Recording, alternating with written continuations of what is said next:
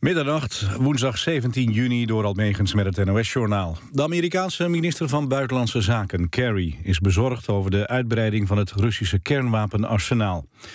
President Poetin kondigde vandaag aan dat zijn land nog dit jaar... meer dan 40 nieuwe lange afstandsraketten krijgt.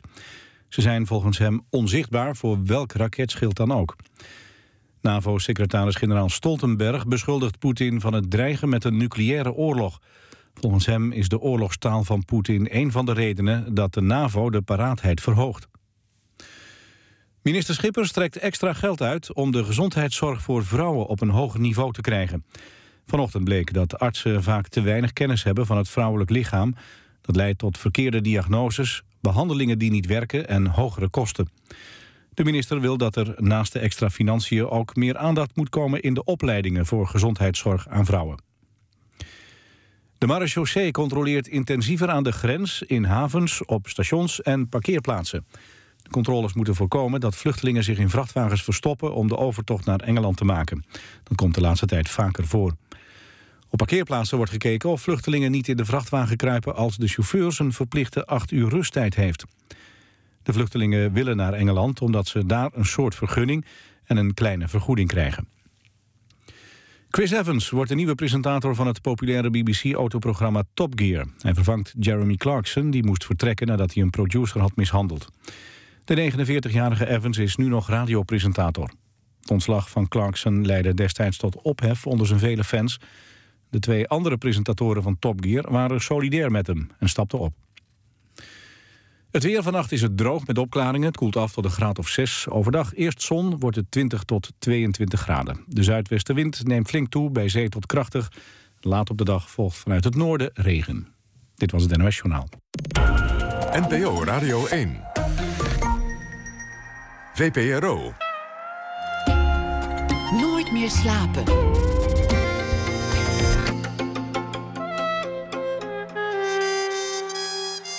Met Anton de Goede. Goedenacht en welkom bij Nooit meer slapen. Waar ik om te beginnen iets zeg over wat we na één uur gaan brengen. Je moet het maar durven, een documentaire maken over motorclub Satudarai.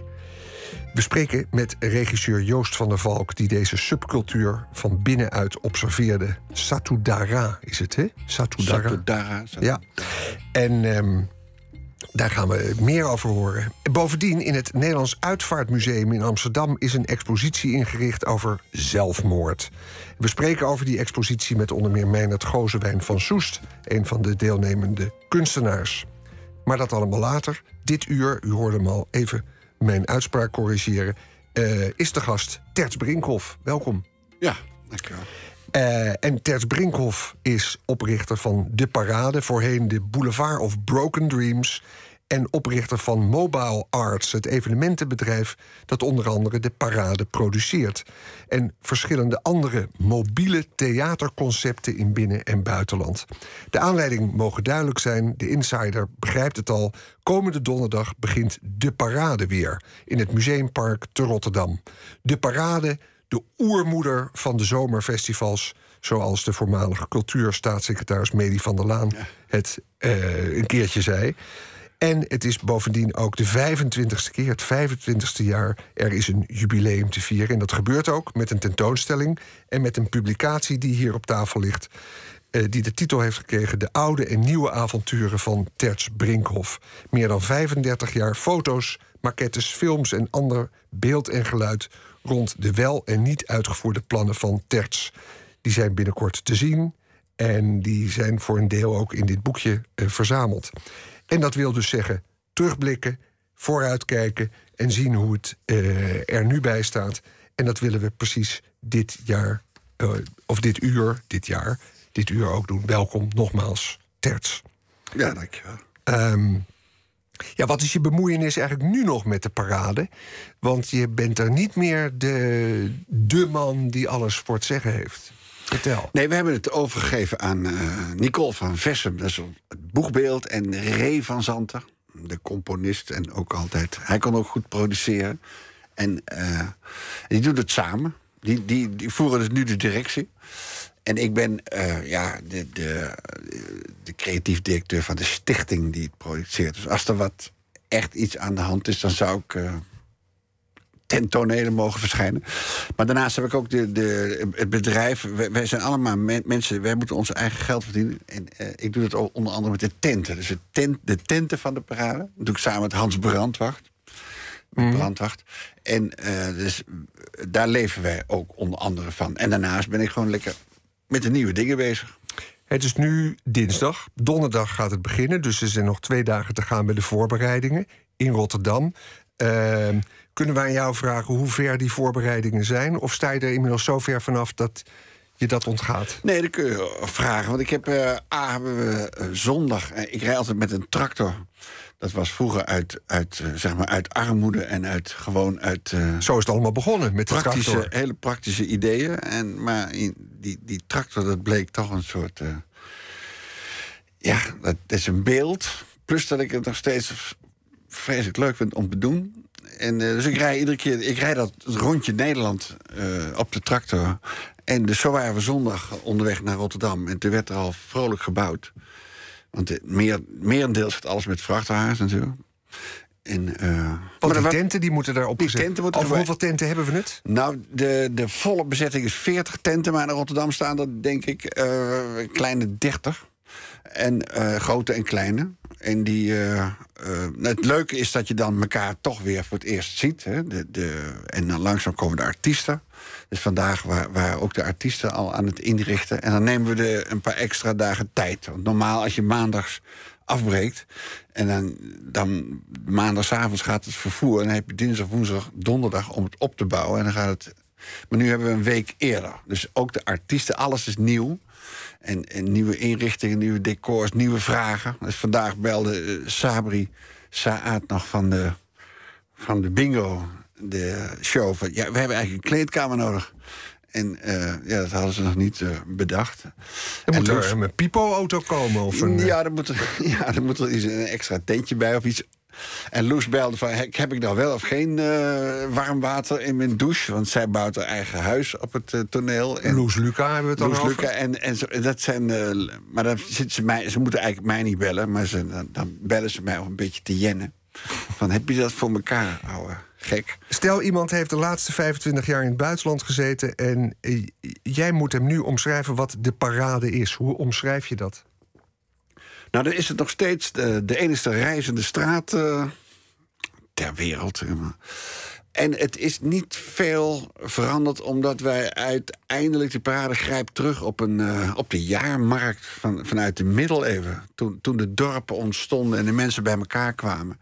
En ook niet precies wisten wat ze met elkaar aan moesten. Dus de een die denkt, nou, dan ga ik de, de zaak een beetje flessen. De ander denkt, nou, ik verkoop gewoon echte peren voor appels. En, en iedereen ging zo zijn gang. En dat blijkt nog steeds het meest opwindende uh, te zijn. Dus want dat, wat, wat je met film en televisie en weet ik wat... kun je dat niet bereiken wat, met wat je op, de, op een jaarmarkt en op de parade wel vindt. Mm -hmm. Heb je het gevoel dat je er nog helemaal volop bij betrokken bent eigenlijk? Dat je daar... Uh, of zijn er dingen die je mist met betrekking tot de tijd dat je echt ook met de programmering bezig was en alles? Nee, ik ben er uh, nog steeds uh, eigenlijk te veel bij betrokken. Dat komt ook door we drie zoons die, en mijn vrouw die schrijft het programmablad nog steeds. Dus ik hoor de, de informatie die krijg ik nog steeds uit eerste hand. En, maar, maar de zoons die manifesteren zich ook op hun eigen manier. en we komen elkaar daar steeds tegen. En het is zo verslavend dat, het, dat als je thuis zit van nou, ik ga vanavond niet dan maar niet. Dan zit je eigenlijk een beetje je best te doen van, uh, om er niet altijd bij te zijn. En het, het, het, het, het nadeel is dat je daardoor weinig toekomt aan nieuwe ideeën. Dus ik heb nu die idee die ik eigenlijk altijd had van stel dat de parade op zijn muil gaat, zeg maar. Dan moet ik iets. Wat, wat ga ik dan doen? Mm -hmm. Die plannen had ik wel, maar die, die, die komen er niet, omdat nee. die parade maar doorgaat.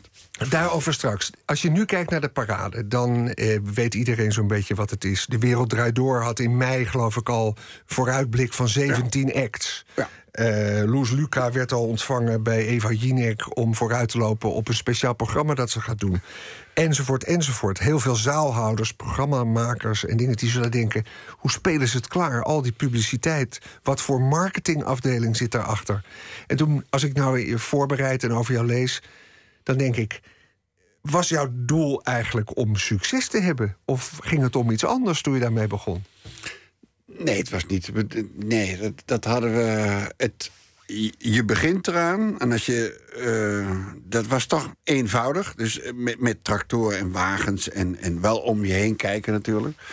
Maar in het begin was het al meteen dat, dat iedereen zei: van, Oh, dit, dit is leuk. Dit, dit, dit wil ik ook. En eh, dus als je het heel chic, dus raad van toezicht heb ik dan, en dan en Fons Asselberg en dat soort mensen zeggen dan heel chic van de parade appelleert op het gevoel wat iedereen heeft van eh, het avontuur. Het, het- eigenlijk wil ik dit ook. En dat. eh, En heb je het dan over de deelnemende artiesten, Ja. de muzici, de theatermakers of ook over het publiek? Nou, het pu- publiek komt een stuk kijken. en Die denkt van, dit is in principe een, een, rommeltje met caravans. Het is één grote, eh, eh, ja, het is een beetje ook, ook, laat ik zeggen, vluchtelingenkampen. Die zitten eigenlijk precies hetzelfde in elkaar. Je kunt de parade, ja, Ja, wat zeg je raar nou? om te Ja. zeggen, maar het, het, het is ontberend en het is eh, heel simpel. We hebben dan wel douches en, en toiletten en dat is allemaal weer... Tegenwoordig zijn al die regels zo zwaar dat het ook wel een beetje in orde moet zijn. Maar het is, eh, het is ontberend, je, komt elkaar, je hebt elkaar nodig. Je hebt ook als het slecht weer is, ook als het goed weer is. Je hebt, je hebt veel publiek, dat, moet, dat is veel eh, hard werken, aandacht geven. Maar je hebt daarna ook met z'n allen steeds, ook vanwege het reizen, op- en afbreken, heb je ook de lol van. Nou, eh, het kan weer open of we gaan hier. We gaan hier weg. wel. Dat, is ook, dat zijn allemaal van die hele lekkere menselijke eh, dingen. die, die in, in zo'n tournee helemaal vervuld worden.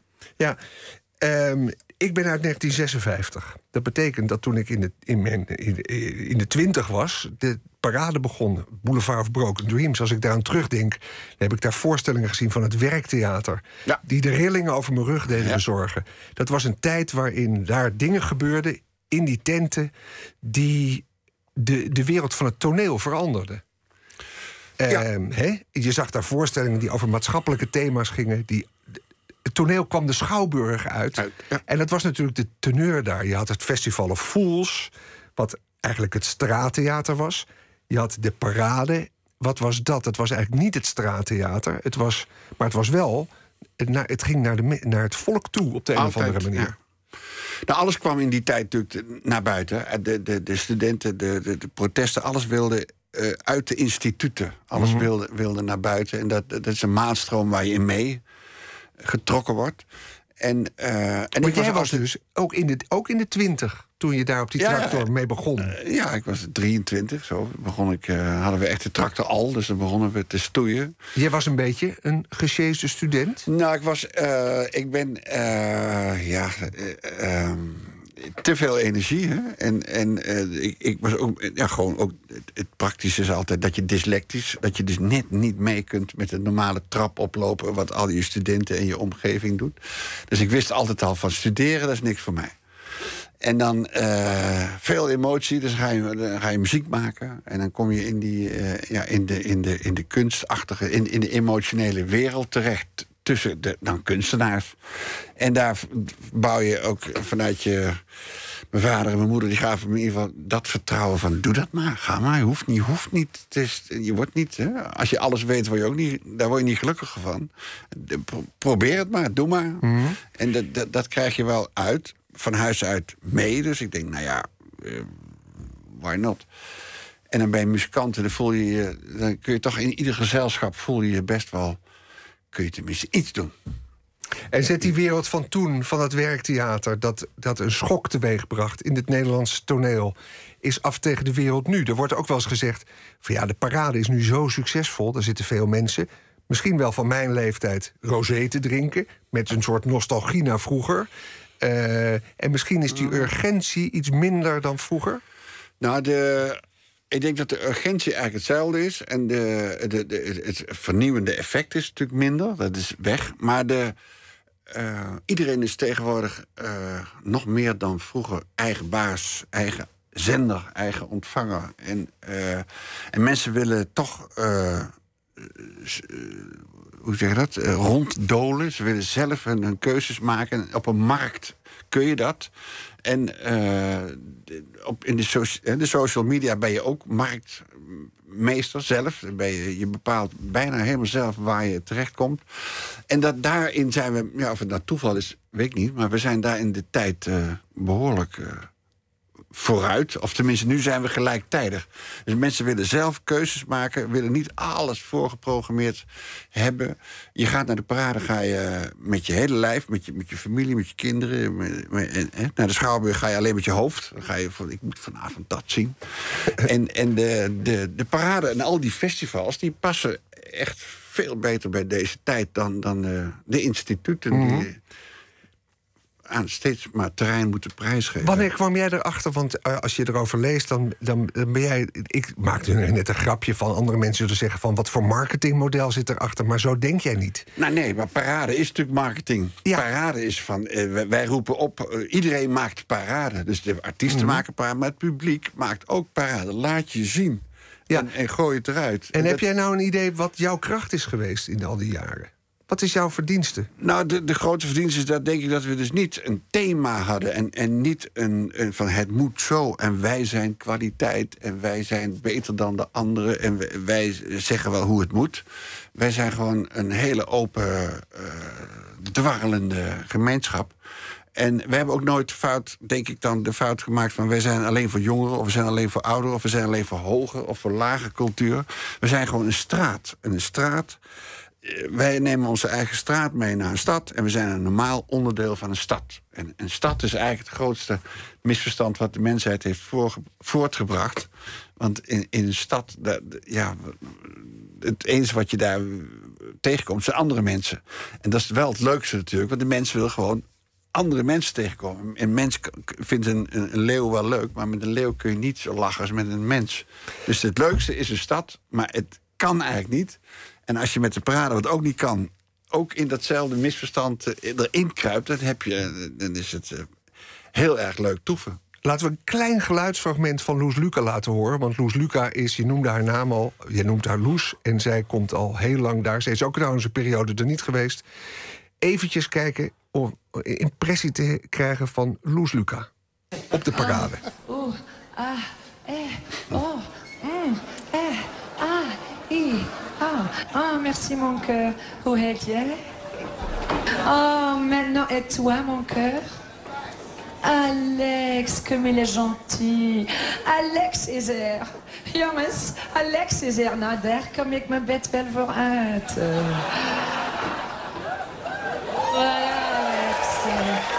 Voilà, mon cœur. Oh, merci énormément.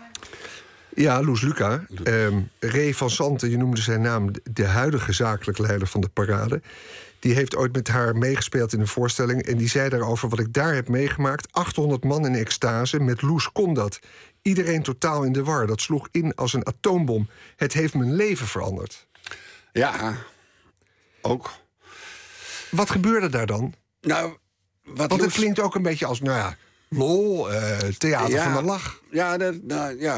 Maar, dat, maar Loes is een, een, een, eh, een- echt een diva, inmiddels. Maar was vroeger ook gedreven altijd van... eh, ehm, ja, als, je hebt toch de droom, als mensen elkaar nou zouden begrijpen... dan is de wereld, eh, wordt, dan kun je de wereld mee redden. Dus dan moet je eigenlijk alle, alle stomzinnige, grensachtige dingen moet je weg.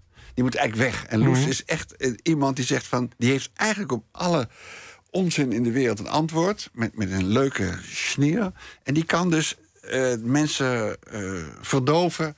Dat ze dus echt in één gezelschap. dat iedereen met elkaar hoort. Dat en iedereen die- bij elkaar past. En die bindende factor, daar word jij ook gelukkig van. Als je dat ja, ziet, word ik heel. Ja.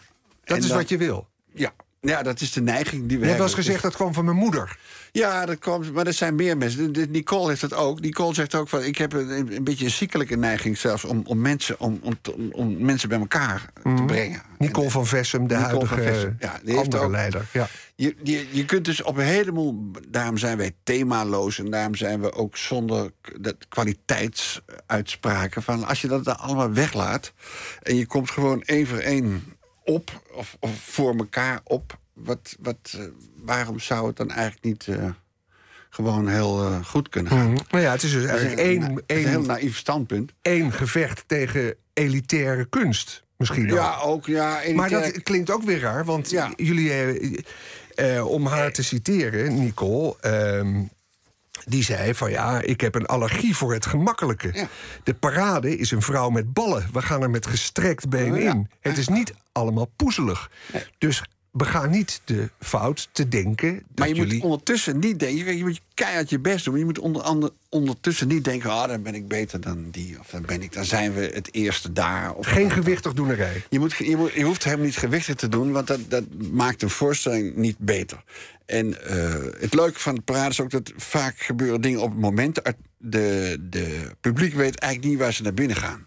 Je kunt, als je bij Loes naar binnen gaat, of dan weet je iets. Maar dit jaar weet je totaal niet wat Loes gaat doen. Dus je weet eigenlijk niet waar je, waar je terechtkomt. En je, je, je ervaart het moment. En je ervaart op dat moment of het goed of, of het bij je past. Of dat je gelukkig ervan wordt. Ja. Maar het is niet iets van, nou gaan we eventjes naar die en dan gaan we naar dat. En dan, dan maken we het mee. Want dat, dat om, is... om Loes Luca te citeren, je kunt er op de parade iets bij te drinken nemen... en dat kan bij de Schouwburg niet. Ja, ook dat. Ook Ja. dat. Maar je kunt ook gewoon je hele familie meenemen. Dus dan denk je van... eh, We gaan even luisteren naar muziek en daarna praten we weer verder met Terts Brinkhoff, de man van de parade. Muziek van Jack Savoretti. En dat is de zoon van een Pools model en een Italiaanse acteur. De singer-songwriter groeide op in Engeland, Italië en Zwitserland. En, eenmaal woonachtig in Los Angeles, besloot hij liedjes te gaan schrijven. We gaan luisteren naar een nummer van zijn laatste album, Broken Glass.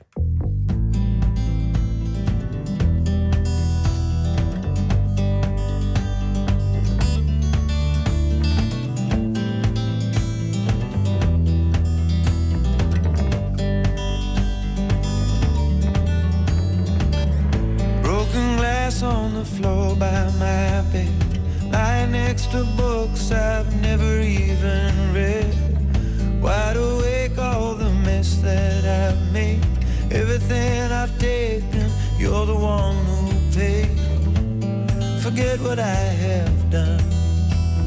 Sometimes I've lost you, sometimes I've won. Just let me do everything I can, 'cause everything I do is for you.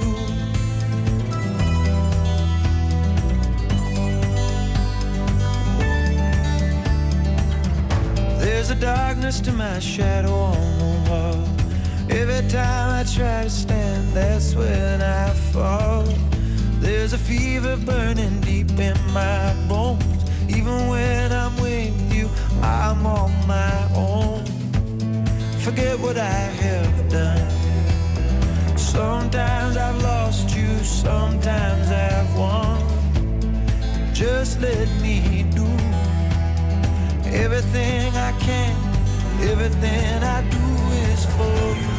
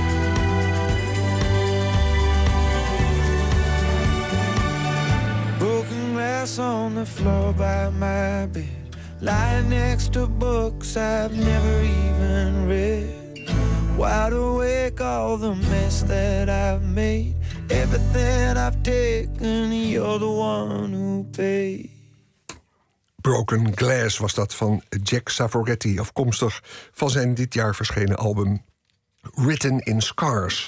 En tegenover mij zit Terts Brinkhoff. Terts Brinkhoff, weliswaar de artistieke en zakelijke leiding van de parade inmiddels overgedragen aan anderen. Hij is er als creatief directeur van de producerende organisatie Mobile Arts nog altijd nauw bij betrokken, hebben we gehoord. Het verschil, hij heeft zijn hoofd en handen nu vrij om aan nieuwe ideeën te werken. Het bezoeken en boeken van artiesten en de zakelijke productie laat hij aan anderen over. Uh, toch nog heel even over die parade. En een van de, van de kenmerken is dat jullie het zo hebben georganiseerd dat alle artiesten eigenlijk hun eigen toko hebben. Ja. En ook actief bezig zijn met het publiek te lokken, bijvoorbeeld. Net als op de Albert Kuip, zeg ik dan maar. Ja. Dit is gewoon, dat kan nog honderden jaren bestaan. Ja, en ik sprak vanavond met eh, Paul Hane en die betreurde het dat hij dit jaar niet mee kan doen. Ja. Was te laat of had het niet goed ingediend, het verzoek of zo. Want ze staan in de rij werkelijk, hè? Ja, we, ja maar ja. Maar die had het vorig jaar ervaren als... Ja, dat hij heeft zijn er twee, eigen, drie jaar meegedaan. dat hij zijn eigen circusdirecteur was... Ja. en dat hij het publiek naar binnen lokte. Ja. Ehm, en wat er dan ook wordt gezegd... Paul Hane zei dat ook weer... niet werken met subsidie. Daar zit een gedachte achter, of niet? Ja, dan ben je toch eh, je beter bij de les. Ja. Dan, dan accepteer je ook als het eh tegen zit, bijvoorbeeld met het weer. Dan heb je één avond, heb je, eh, ja, er zijn gewoon minder bezoekers geweest. Maar je wil ook je begroting rondkrijgen. Dan, dan doe je de, de, avond dat het goed weer is, probeer er een extra voorstelling tegen aan te gooien. En dat is heel bevredigend. Dat- je zelf het idee hebt dat je kunt sturen. En dat je je tegenslagen kunt eh, overwinnen. En, en ja, je, je, je wordt toch directer naar het publiek toe. En, Maar dat is dus een keuze voor ondernemerschap. eh, precies zoals eh, heel veel partijen dat graag zullen zien... in de wereld van de cultuur. Nou ja, het, het, het moest ook. Het- in het begin had ik ook de Boulevard Broken Dreams. Hadden we van, daar kregen we wel geld. Maar het Holland Festival had toen geloof ik 1 miljoen gulden. En wij hadden bij, ik gooide zo'n beetje 7 ton bij elkaar. En het was een soort, werd een soort wedstrijdje. En toen op een gegeven moment vroeg ik aan de, het hoofdkunsten van hoeveel geld is er eigenlijk? Weet je wel, van, waar, waar? En toen zei hij, nou, je hebt bijna de hele pot te pakken. Toen dacht ik van, nou, als er zo weinig geld is, dan kun je daar nooit een bedrijf, dan kun je nooit continuïteit opbouwen. Dus ik denk van, ja, je krijgt één keer subsidie, maar niet iedere keer. Dus ik denk, ja, dan ga ik binnen drie of vier jaar ga ik toch sowieso al aan de galg. Dus we moeten het op een andere manier proberen. Ja, want eh, je had het nu net over het weer. 2013 was een heel zonnig jaar. Toen ging het heel goed. 2014 regen. Voetbal, heb ik begrepen. Ja. Het ging erg slecht met de parade. De, de, de- het, het, het, het balanceerde op het, op, het, op het voortbestaan, of niet? Je heeft het ook af en toe, ja. En als het nu gaat regenen, dan... eh, nou, ma- maak je borst maar nat dan. Ja, en toch hoort het erbij. We hebben nu een. eh, we hadden vroeger Chris Karelsen, dat was een verzekeringsman van de Amersfoortse Verzekeringen, was eh, voorzitter van het bestuur. En die zei: Je moet het allemaal, je moet het risico, want dat doe je met als verzekeraar, je moet een buffertje hebben. Dus je, je moet even zorgen dat je in iedere begroting een klein kapitaaltje hebt. Dat als het tegen zit, ben je dat kwijt. En als het mee zit, hou je het over. En als, het, als je het overhoudt, moet je het in een potje stoppen. Moet je niet gaan, mee, mee gaan gooien. En, en niet eh, weggeven, maar dan moet je op, oppotten. En dan kun je, als het tegen zit, kun je uit die buffer eh, weer eh, de, de, de zaak glad strijken. Ja. En dat doen we. En verdorie, we hadden het drie jaar geleden stond op nul. Dus we dachten van nou, dit nog één keer regen en we zijn eraan. Maar toen was het weer heel goed weer.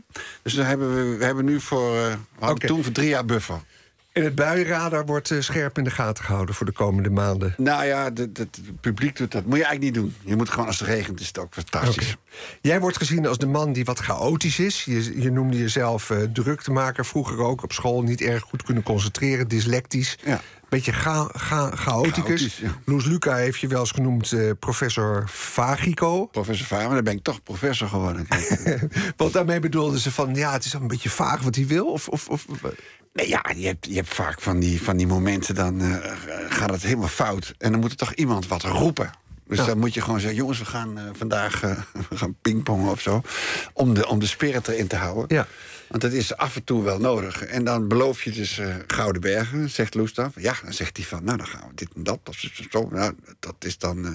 hij belooft een berg zand en dan kom je aanlopen, ligt er een, een handje zand. ja, maar tegelijkertijd eh, is je talent dus niet te onderschatten. En daar ben je inmiddels voor eh, je lintje gekregen. En die verdienste is groot en iedereen die eert je. En je bent de man die zegt van je moet niet vergaderen. Je moet een heleboel Nee. dingen niet doen. Nee. Maar je moet ook op het juiste moment de goede beslissingen nemen. En daar ben jij dus kennelijk toe in staat. Wanneer had jij door dat jij zo iemand was dat je dacht: ja, dat, ik, ik, ik heb bereikt. Nou, ik had vroeger, toen ik de Boulevard Broken Dreams in première ging in 1984... ik- kom gewoon uit Nijmegen, ik kom gewoon uit de provincie. En er zeiden altijd mensen, ah, je, dit moet je niet zeggen in Amsterdam... want dan begrijpen ze je niet.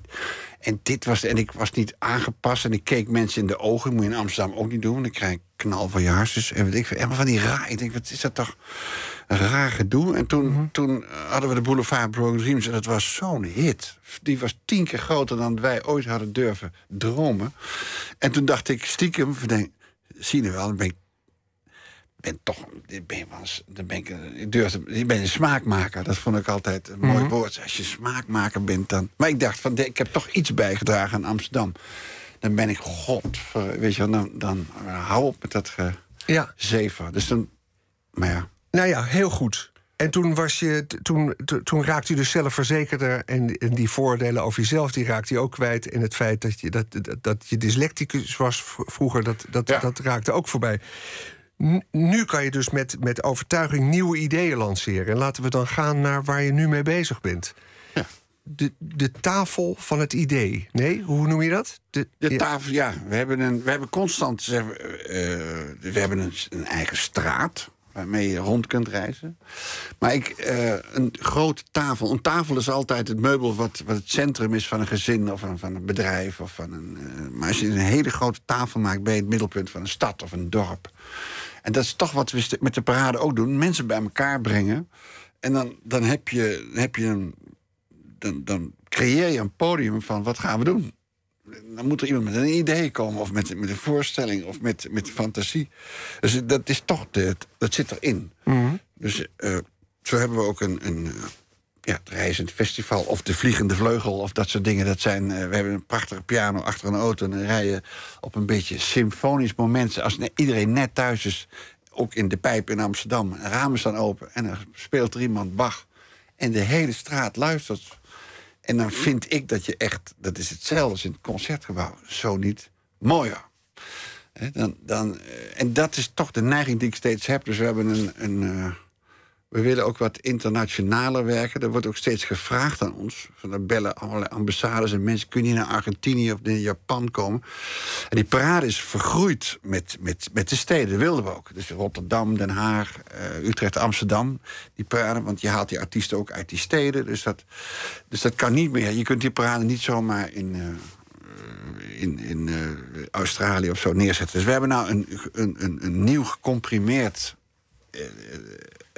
mini-parade. Dat heet de- Showman's Fair. Dus de parade maakt iedereen parade. De boulevard Broken Dreams had iedereen een gebroken hart. Want het heeft toch iedereen. Zonder gebroken dromen heb je, heb je geen, is er geen, geen leven, geen liefde. Dus nu is iedereen showman.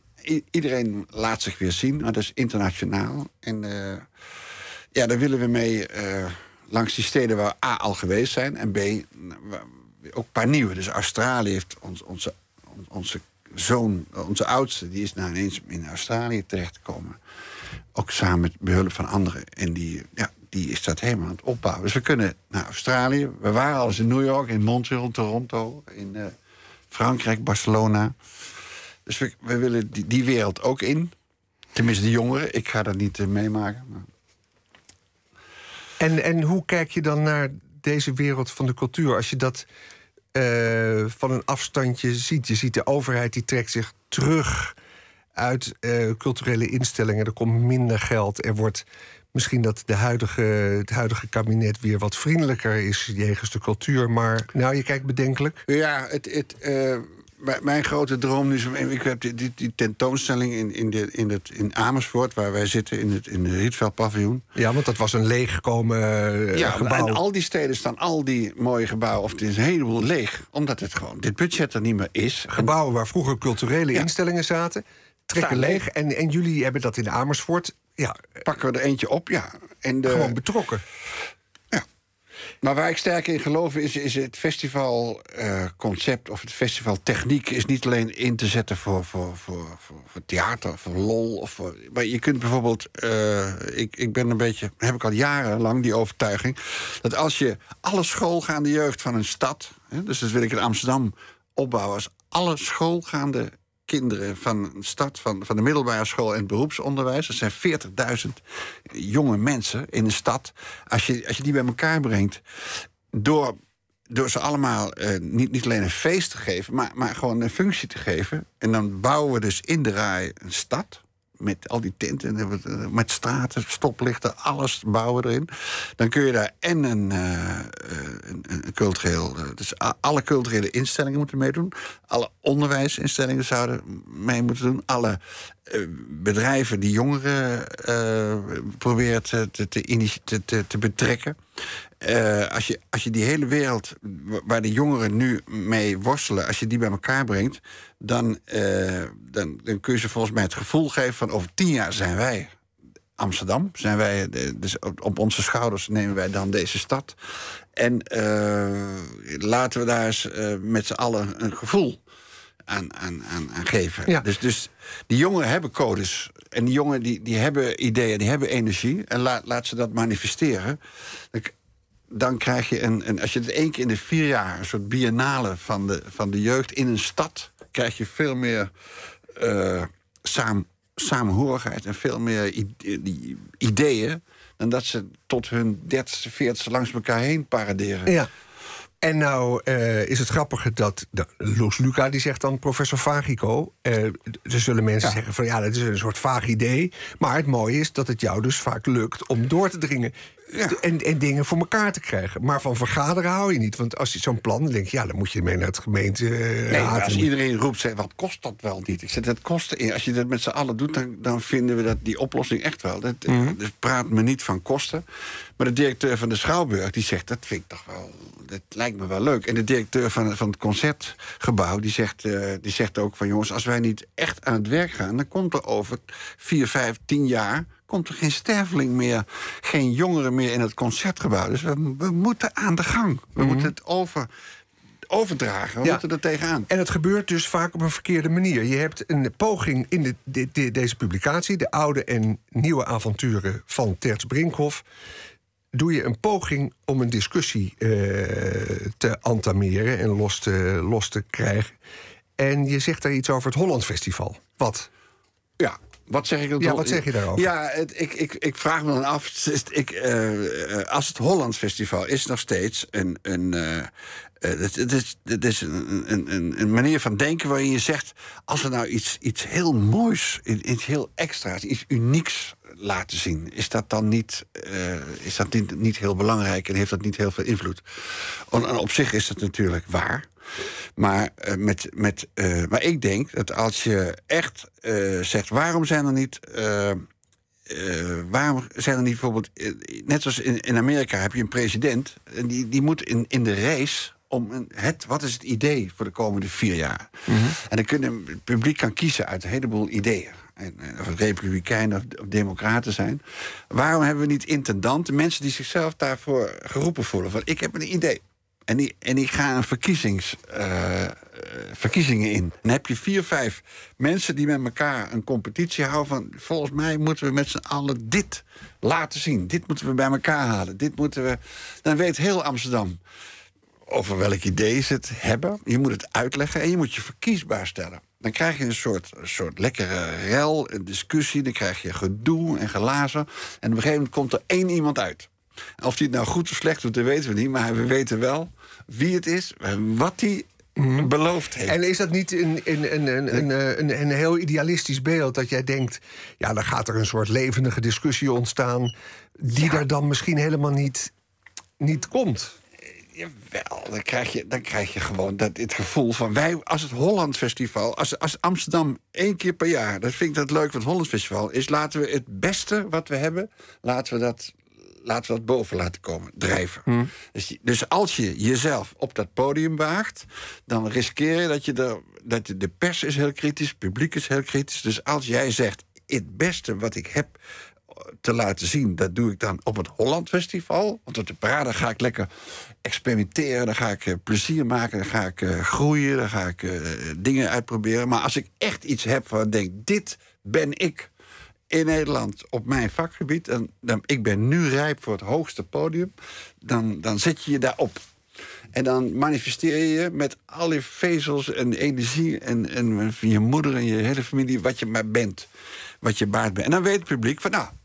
We hebben dus tien kunstenaars die, die gaan ervoor. Dus eigenlijk hetzelfde. Ja, toch een beetje wat, wat Olympische... Ja, wat sporters ook doen. Die, die, die re- rennen hun hele leven zich helemaal gek. Mhm.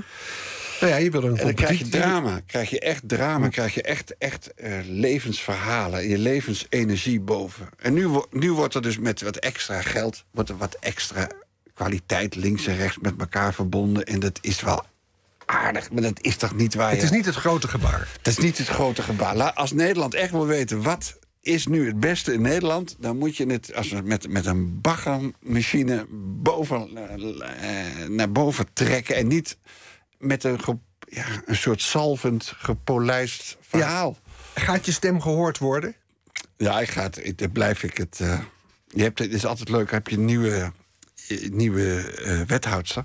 En dan vertel ik dat zo tegen. Dan krijg je hele grote ogen. Eh, en dan denken ze, hoe god, want het is natuurlijk een hele rel. Er zit een hele, cultuur om het Hollands Festival heen. Dus iedereen zegt, hou je, brand je daar nou je vingers niet aan. Want het is een heel oud instituut. En als je daar tegenaan begint te schurken, wie je ook bent, dan, dan ja. Maar ik, ik, ik ben er niet tegen het Holland Festival. Ik ben juist voor het Holland Festival. Maar maak er dan ook echt dat iedereen in Amsterdam en daarbuiten vindt... van nu krijgen we een maand lang het beste te zien... van wat wij met z'n allen nu in huis hebben in Nederland. Ja. En het is heel bewonderenswaardig. Ja, het leeft onvoldoende en jij zou daar wel ideeën over hebben. Na de muziek verder met Terts Brinkhoff. We gaan nu even luisteren naar Curtis Harding, afkomstig uit Atlanta, Georgia. Hij was ooit achtergrondzanger bij CeeLo Green, bekend van Gnarls Berkeley. En via de garage rock scene begon hij aan een solo soul avontuur. Van zijn debuutalbum Soul Power is dit het nummer Freedom.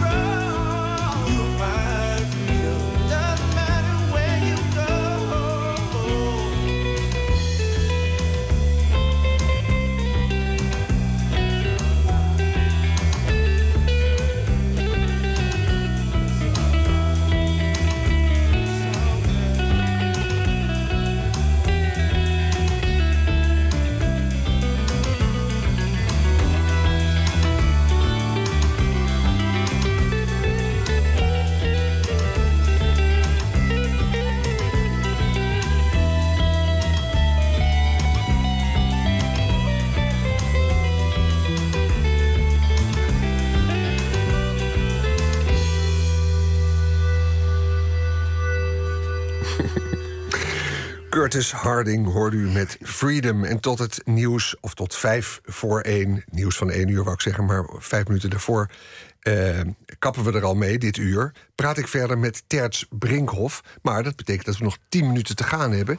En daarin hebben we nog het nodige te bespreken. Je, kijkt hem, je, je zag een lampje hangen of iets. Wat, Nee, wat is dat van ding wat hier boven de tafel hangt? Is het ja, een soort, eh, soort nagemaakte UFO. Dat Ik heb geen, geen flauw idee. Poetin te maken hebben dan? Oh, het is een lamp, wordt hier, maar de lamp, Oh, lamp. de lamp brandt niet.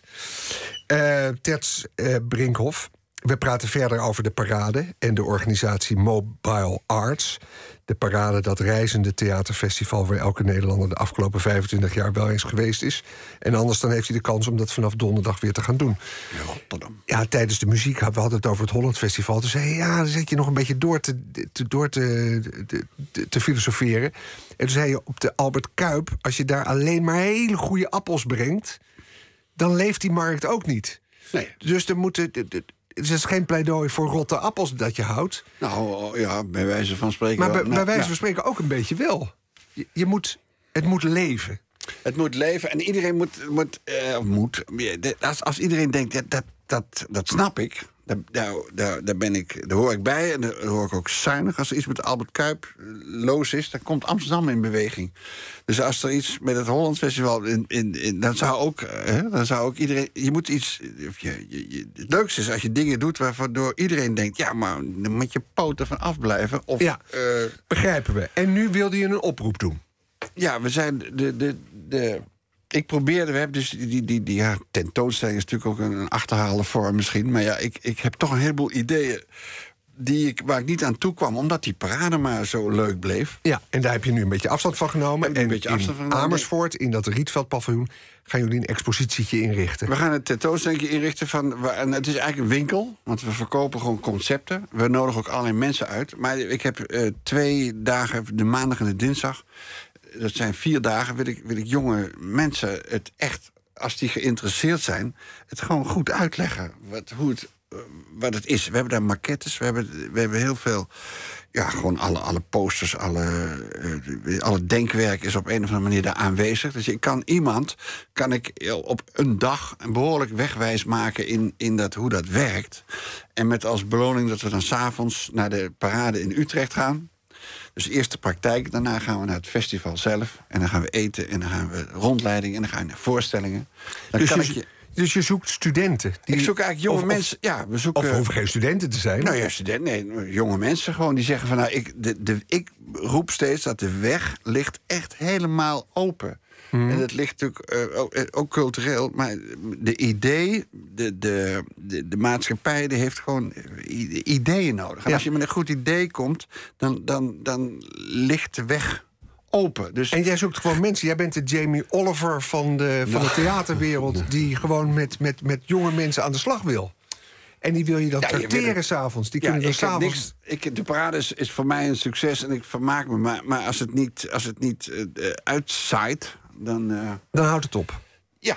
Ja. Dus laat denken nou over na. Van dit, zijn, dit zijn hele normale concepten. Wij zijn niet beroemd of beter dan anderen. Of we zijn, we zijn, dit is gewoon hard. Het is Ja. gewoon mooi, hard werk. En, en doe het ook. De Probeer laatste, de, de laatste zes minuten, dat we, dat- dat- die boodschap is overgekomen. En jonge mensen moeten zich gewoon melden naar Mobile mobilearts.nl. En dan, en, dan eh, en doe het als je dit luistert en je denkt dat wil ik.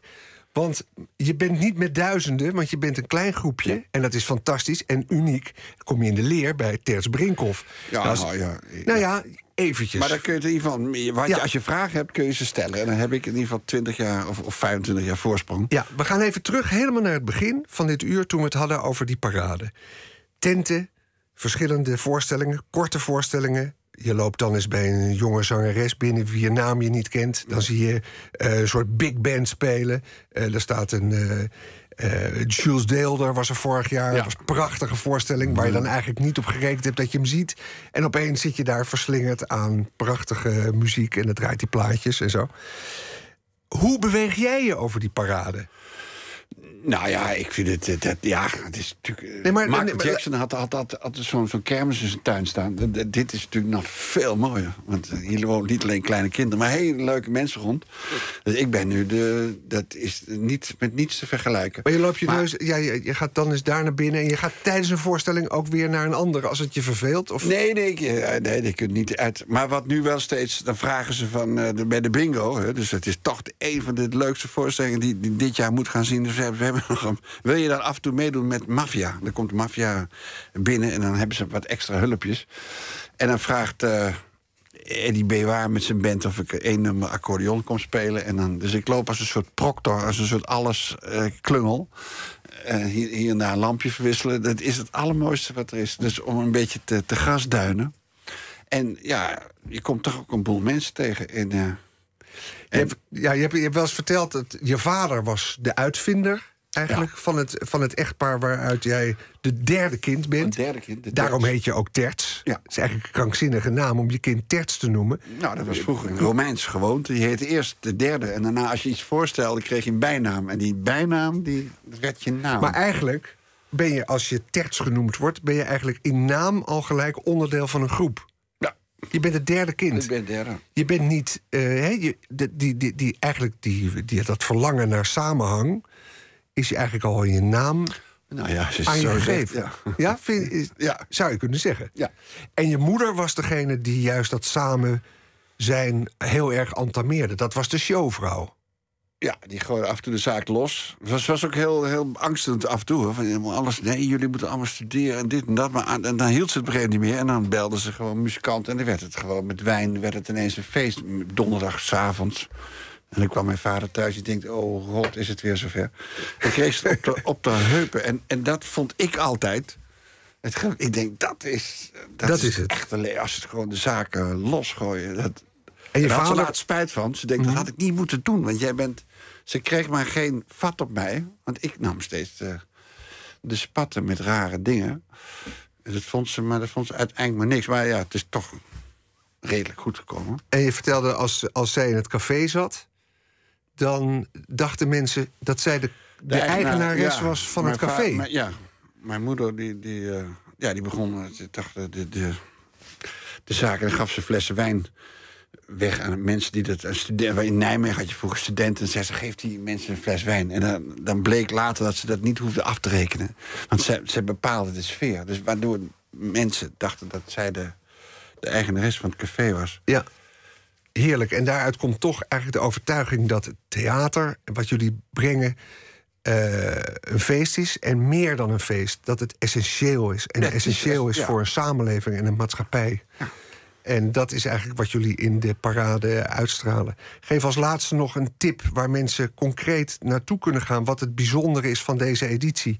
Je hebt niet zelf meer de artistieke verantwoordelijkheid. Nee. Dus je hoeft niet heel politiek correct te zeggen van... het is allemaal even mooi. Nou ja, we hebben, die, we hebben dus nu. Het, is gebleken dat omdat de, de, de Loes Lucas en iedereen die komt weer terug, hebben ze dat, dat die mensen toch ook weer de lol hebben behouden om op de parade te spelen. Maar we hebben dus echt de jonge, nieuwe krenten uit, in de pap. En de, we hebben nog de, de, de, de mensen die al 25 jaar geleden ook deden. En dan moet je, dan moet je tussendoor eh, gaan, gaan eh, flitsen. Je moet, gewoon, ne- ne- je moet eigenlijk nergens aan denken. Je moet gewoon er naartoe gaan. Nee, en ook mensen die jong zijn dus. Want het, het moet niet een nostalgiefeestje worden... Nee, van de mensen nee, die nog eens wordt- eh, nee, nee, naar het werktheater willen. Maar het werktheater is wel vertegenwoordigd. Ja, het werktheater ook. Dat is, oh, ja, Prachtig. Vergeet ik steeds, dat is geweldig. Terts Brinkhoff, ontzettend mooi. Er was natuurlijk eh, eh, van alles nog toe te lichten en zo. Maar kijk naar de programmabladen en het, het, het komt allemaal op je Kom af. gewoon naar de parade. En eh, donderdag in Rot- Rotterdam en dan naar Den Haag, dan naar Utrecht. En traditiegetrouw eindigt het in Amsterdam. Heel mooi dat je tijd maakt om hier bij ons te zijn. Nou, graag gedaan. Het gaat je goed. Ehm, en wij gaan ja, hier aandacht besteden, de rest van het uur, aan Napoleon Bonaparte. Misschien wel de meest gedocumenteerde persoon uit de geschiedenis.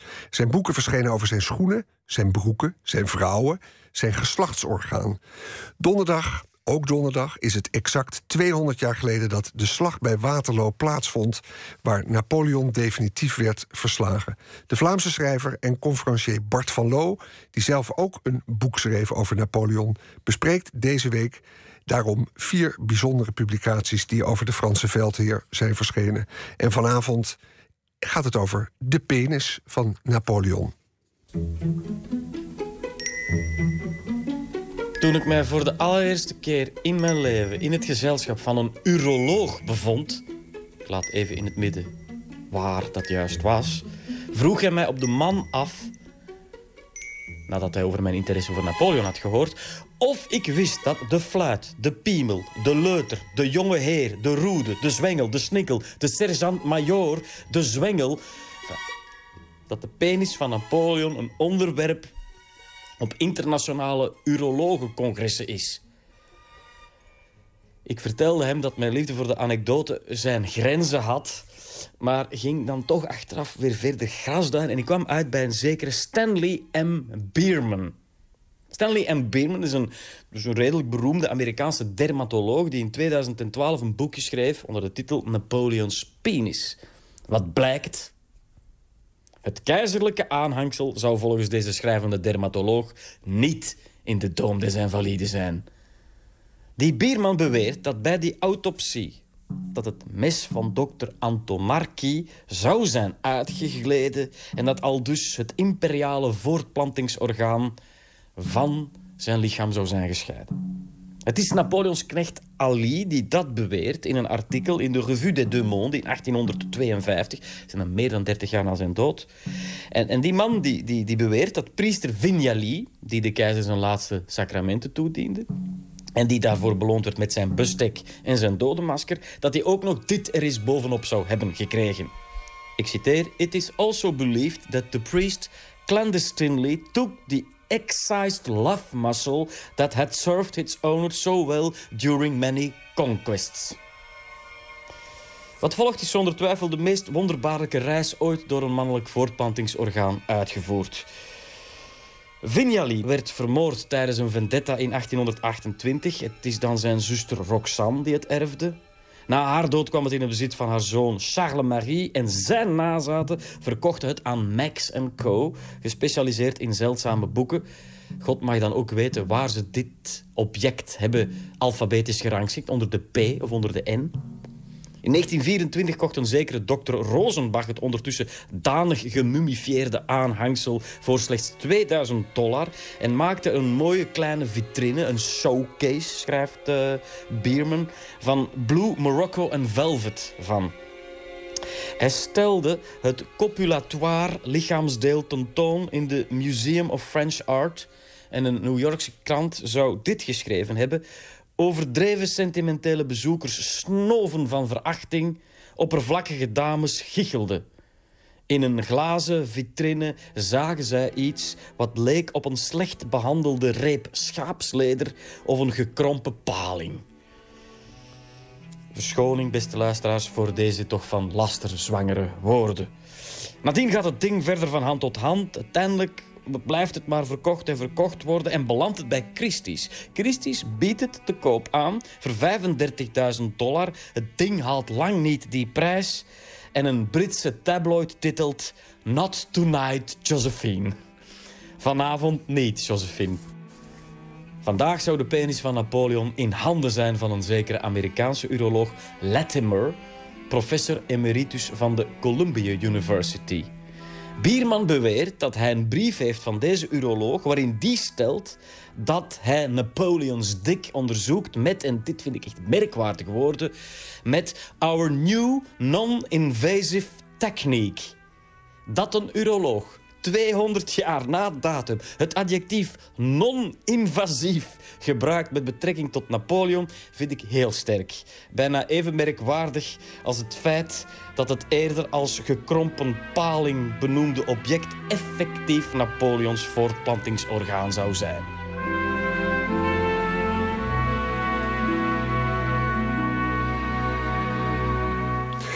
Ja, u hoorde Bart van Loo over jawel, de penis van Napoleon. We mogen drie exemplaren weggeven van het boek dat Van Loo zelf over Napoleon schreef.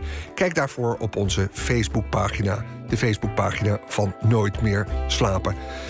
We gaan nu naar het nieuws luisteren en daarna zijn we terug bij u voor een tweede uur Nooit meer slapen. Graag tot dadelijk.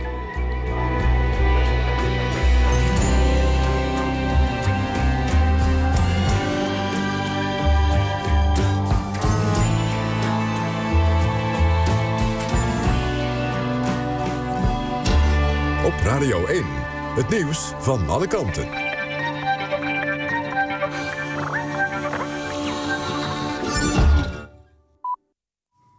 1 uur door Almegens met het NOS-journaal.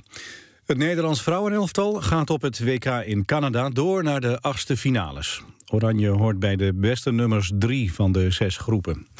Nederland eindigde na de 1-1 tegen Canada als derde in groep A met vier punten. Was daarmee Thailand al de baas. En vannacht verloor Zwitserland met 2-1 van Cameroen. Door die nederlaag werd ook Zwitserland derde in de groep... maar met één punt minder dan Oranje. ABN AMRO is helemaal klaar voor de beursgang. Topman Zalm zei tijdens een hoorzitting in de Tweede Kamer... dat het vertrouwen tussen hem en de minister is hersteld. Het is nu een kwestie van zakelijk zijn... en zorgen dat de beursgang een succes wordt, zei Zalm. Bij die beursgang staat optimale bescherming tegen vijandelijke overnames hoog op de agenda. Over die beschermingsconstructie had de Kamer nog veel vragen... omdat beschermde aandelen minder zeggenschap bieden. Daardoor zou het voor beleggers minder aantrekkelijk zijn om aandelen te kopen. Zalm is daar niet bang voor. In Berkeley in Californië zijn zes studenten om het leven gekomen... toen het balkon waarop ze stonden afbrak. Het zijn vijf Ierse studenten en een Iers-Amerikaanse. Zeven anderen raakten zwaar gewond. Ze waren op een feestje voor de 21e verjaardag van een student. De groep die op het balkon stond viel vier verdiepingen naar beneden... en kwam op een trottoir terecht. Het balkon zelf viel op het balkon van de derde verdieping. De Amerikaanse band Foo Fighters heeft de rest van de Europese tournee afgezegd... na de valpartij waarbij zanger Dave Grohl zijn been brak. De band zou eind deze maand nog optreden op het Belgische festival Rock Werchter... en het Britse festival Glastonbury. Maar die optredens gaan niet door, evenals shows in Wembley en Edinburgh. Grohl brak vrijdag zijn been bij een val van het podium in het Zweedse Gothenburg. Daardoor moest afgelopen zondag ook al een optreden op Pinkpop worden afgezegd. Het weer vannacht droog met opklaringen. Het koelt af tot een graad of 6. Overdag eerst zon. Het wordt 20 tot 22 graden. De zuidwestenwind neemt flink toe, bij zee tot krachtig. Laat op de dag volgt van het noorden uit regen. Dit was het NOS Journaal. NPO Radio 1. VPRO. Meer slapen.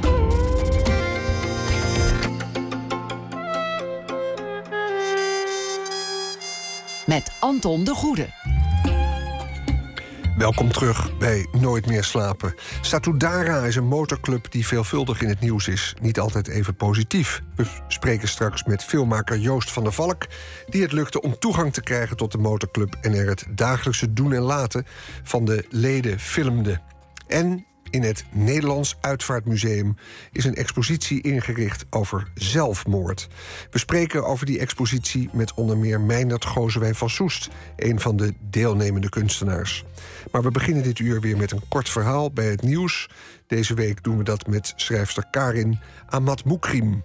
Ze publiceerde tot dusver vijf romans, waarvan Het Gim en De Man van Veel de meest recente titels zijn. Goeienacht, Karin. Goeienacht, Anton. Dag. Hi. Ja, gisteren had je een schrijnende bijdrage over de Syrische vluchteling die was aangespoeld op uh, Texel. Ja, ja, klopt. Loodzwaar. Vandaag hou ik het iets, uh, iets luchtiger. Vertel, ja, want uh, ja, ja. Nou ja, het is ook maar wat, net wat zich aandient natuurlijk. Maar ik moest vandaag naar de, de tandarts. En uh, daar ben ik geen fan van. Ik ben uh, heel, heel bang geweest in het verleden voor de tandarts. Uh, dus nog steeds, als ik er nu naartoe ga, dan moet ik, dwing ik mezelf om aan leuke dingen te denken. En zo, zo kom ik het uur door. En zo kwam ik op het idee voor het verhaaltje voor vandaag ook eigenlijk. Volgens mij is het zo, dat heb ik van mijn tandarts geleerd... dat een tandarts helemaal niet pijn hoeft te doen... want je kunt het heel moeiteloos verdoven, toch? Ja hoor, ja, ja. Het heeft ook niets met fysieke pijn te maken. Het heeft met angst te maken. Ja. Een afkeer, denk ik. En, uh, Eh, eh, dus daarom, ik heb mezelf geleerd jaren geleden, geleden om dan alleen maar aan mooie, leuke dingen te denken. Vaak zijn dat dan konijntjes en zo. Stel ik me dan voor, die dan huppelen in het gras. Maar toevallig werd me vandaag ook gevraagd om, een, eh, om iets te schrijven over het mooiste wat ik had gezien. Dus daar, daar ging ik over nadenken terwijl ik in, het, in de stoel lag. Oké. nou, laat je bijdrage horen. Ben benieuwd. ja, oké. Vandaag vroeg iemand wat het mooiste was dat ik ooit had gezien. En of ik er niet een stuk over zou willen schrijven. Ik dacht aan schoonheid, zoals bezongen door Gabriel Garcia Marquez in Liefde van in tijden van cholera. En aan de bedwelmende aantrekkingskracht van de jeugd, zoals Nabokov zijn Lolita beschrijft.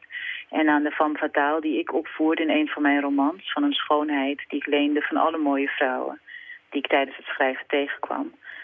Maar het mooiste dat ik ooit heb gezien, dat laat zich niet vangen. Ik probeer het niet eens, want ik voel intuïtief dat elke poging me zou plaatsen voor een blinde muur. Dat mijn talent tekort zou schieten. En de angst dat ik tijdens deze vruchteloze pogingen het vertrouwen in dat talent in zijn geheel zou verliezen, lijkt gegrond. Want het mooiste dat ik ooit heb gezien, dat zijn mijn kinderen. Specifieker, mijn kinderen als zuigeling. De handjes geklemd om de bolling van mijn borst het tongetje gevangen tussen onderlip en tepel, de ogen groot en rond en vol vertrouwen naar me opgeslagen. Wederzijdse overgave, een werkelijk onvoorwaardelijke liefde. Schoonheid en genegenheid, tastbaar in onze huid, elkaar, ons lichaam van elkaar. Het is een universele schoonheid. Ik herken het in elk kind dat wordt gezoogd, laatst zelfs nog in de baby chimpansee en zijn moeder in Artis. Ik herken het in elk kind dat wegkruipt in de beschermende armen van zijn moeder. Het is het enige in de wereld dat werkelijk en dat waar is en het vervliegt. De pijn van het vervliegen, dat zou ik eventueel kunnen vangen. Maar de schoonheid ervan, dat niet.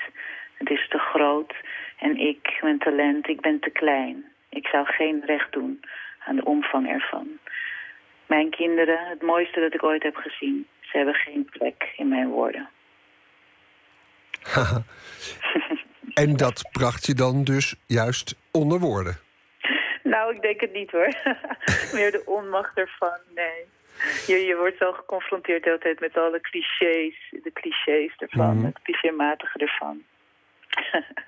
Dus ik, uh, ik heb het er niet meer over. En toch heb je een poging gedaan. Maar ja, in, in, inderdaad gebeurt het eigenlijk zo zelden... dat uh, er een poging gedaan wordt om schoonheid te beschrijven... en veel vaker wordt misère onder woorden gebracht. Maar ja, mm. er was ook iemand zei, die zei van... ja, een gelukkig gezin... elk gelukkig gezin lijkt op elkaar... Mm. maar elk ongelukkig gezin is op een eigen manier ongelukkig. Ja. Zoiets. Ja, en wat de literatuur betreft, ik denk dat, dat, dat, dat, dat in, uh, in het lijden... dat ze elkaar, elkaars menselijkheid herkennen. dat, uh, ik denk dat het daarom zo centraal is, staat in heel veel kunst, denk ik hoor. Zou de echte schoonheid niet in woorden te vangen zijn? Ik denk het niet. Het echte niet, nee, nee. Wel in muziek nee. misschien? Ja, muziek is wel weer een andere dimensie, hè? Dat, uh, oh, maar nou doe ik mijn eigen kunsttekort, mijn eigen discipline tekort misschien. Laat, laten we het er op een andere keer over hebben. Oké, okay, misschien morgen. Uh, Wellicht. Karin Ahmad Moekrim, heel erg dank voor je verhaal van vandaag. Dank je wel, en. Tot, tot morgen. Tot morgen. Ja, wij hebben het net al met uh, de, de, de, man van de parade gehad over festiv festival De Parade, dat donderdag begint. Het festivalseizoen is echt helemaal begonnen. Nog amper bijgekomen van Pinkpop staat er komend weekend ook alweer een ander festival voor de deur. Best Kept Secret. Drie dagen lang in het Brabantse Hilvarenbeek. Zaterdag speelt daar de Amerikaanse soulformatie St. Paul en the Broken Bones. Gospel, blazers en een frontman die zingt met de bezieling van een zwarte dominee in 1960. Bij wijze van voorproefje draaien we het nummer I'm Torn Up.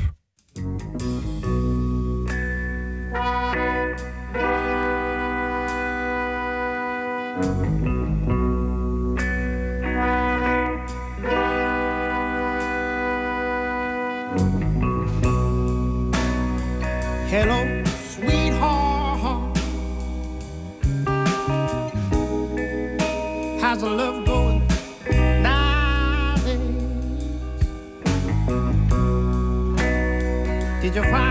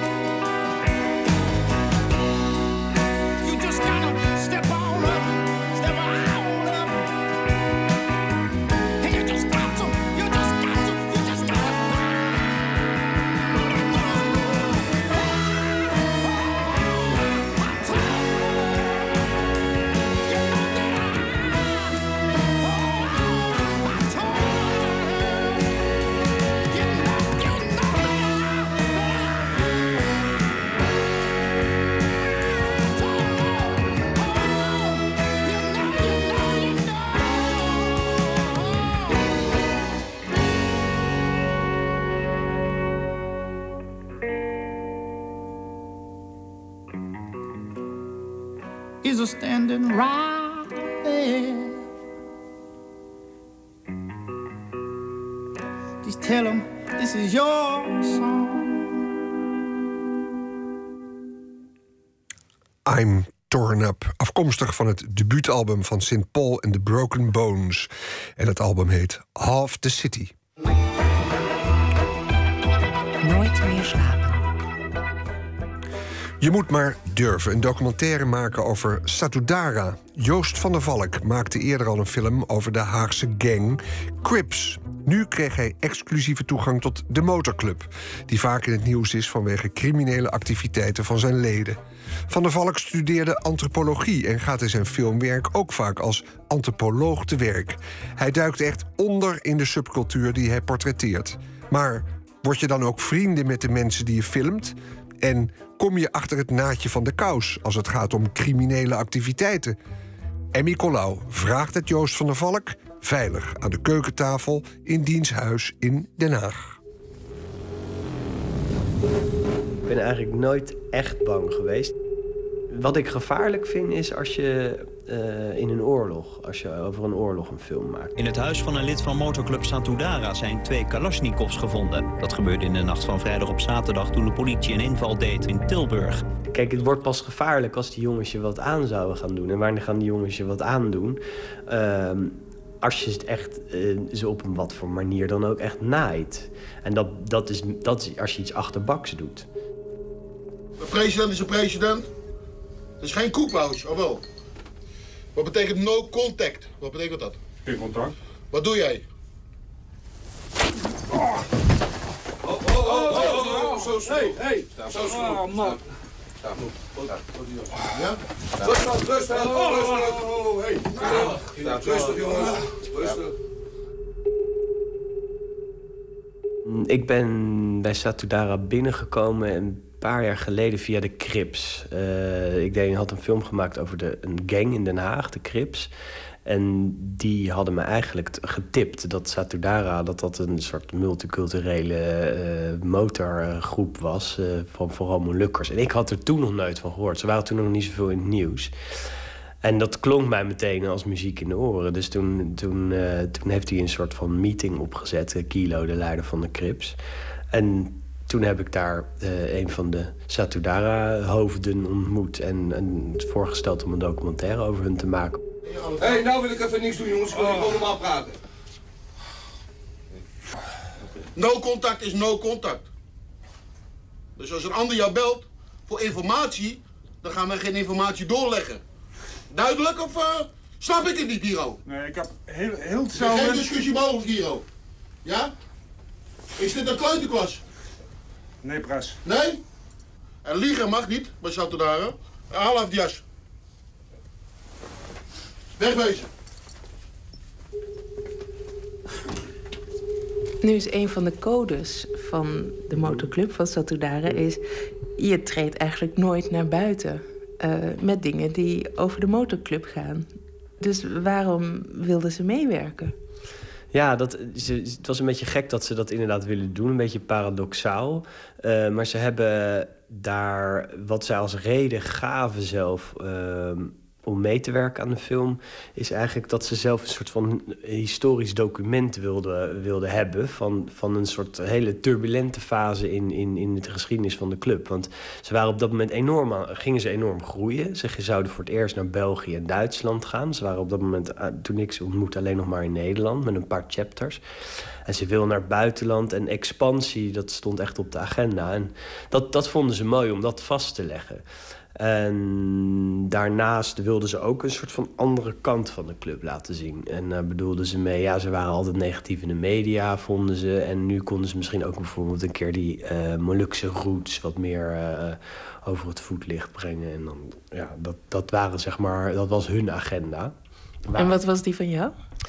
Um, nou, gelukkig vonden we daar ook wel een soort overlap in. Maar daarnaast uh, wilde ik natuurlijk voor mezelf ook uitvinden... wat nou waar was van al die criminele... Uh, ja, van al die beschuldigingen dat het een criminele organisatie zou zijn. Dat wilde ik gaan uitvinden natuurlijk, wat, uh, wat daarvoor waar was. Heb je dat met hun overlegd of is dat jouw geheime agenda geweest? Um, ik, heb, nee, ik heb dat op zich wel open gezegd. Van, nou, ik kan natuurlijk niet alleen maar een soort van uh, leuke bedrijfsfilm gaan maken over jullie. Er moeten ook, ook wat dingen in die, die wat, weet je, wat, wat hè, moet toch een beetje proberen een kritische blik... Uh, dat ik daar toch naar dat ik ook de andere kanten laat zien. Dat heb ik ze wel duidelijk laten zien en uh, gezegd. En um, nee, ja, daar konden ze zich ook wel in vinden. Maar dat, dat was natuurlijk. Toen hadden ze waarschijnlijk ook zoiets van. Nou, dat vullen we zelf wel in. Uh, dat zien we later wel of zo. Jij natuurlijk een hele magazijn vol met 9 mm patronen door je lijf, dan krijg je aan de leven niet lang. Maar ik moet eerlijk zeggen, in die films zie je natuurlijk altijd wel eens één keer geraakt en dan gaan ze gelijk leggen en dan blijven ze voor dood. Maar dat viel me vies tegen, dat was niet het geval. Er ging nog best wel een paar minuten overheen. Toen was het donker, toen heb ik hem uh, weggewerkt. Eruit gehaald, uit de auto gehaald. Toen heb de mededader de auto in de brand gestoken en uh, zijn weggegaan. Dit is een van de eerste interviews waarvan ik van tevoren dacht... of ik denk eigenlijk het eerste interview in mijn leven waarvan ik van tevoren dacht van... goh, ja, kan ik eigenlijk nog verkeerde vragen stellen? Zou ik dan nog gevaar lopen?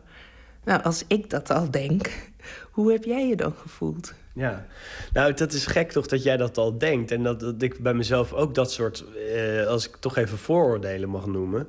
Want dat, waar hou jij dat bijvoorbeeld vandaan, weet je? En dat zat ik bij mezelf ook af te vragen toen ik daar voor het eerst naar binnen ging... in die bestuurskamer en in, in, in die Satudara-clubhuizen en zo. Daar was ik ook soms een beetje, een beetje, kreeg ik een beetje een donker gevoel.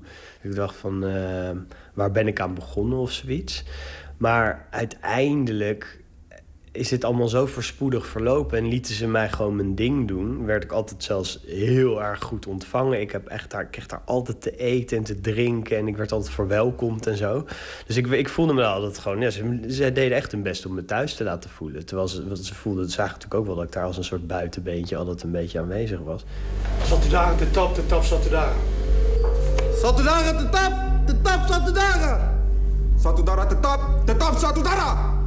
Satudara! Satudara tetap, tetap Satudara! Satudara tetap, tetap Satudara! Alamena!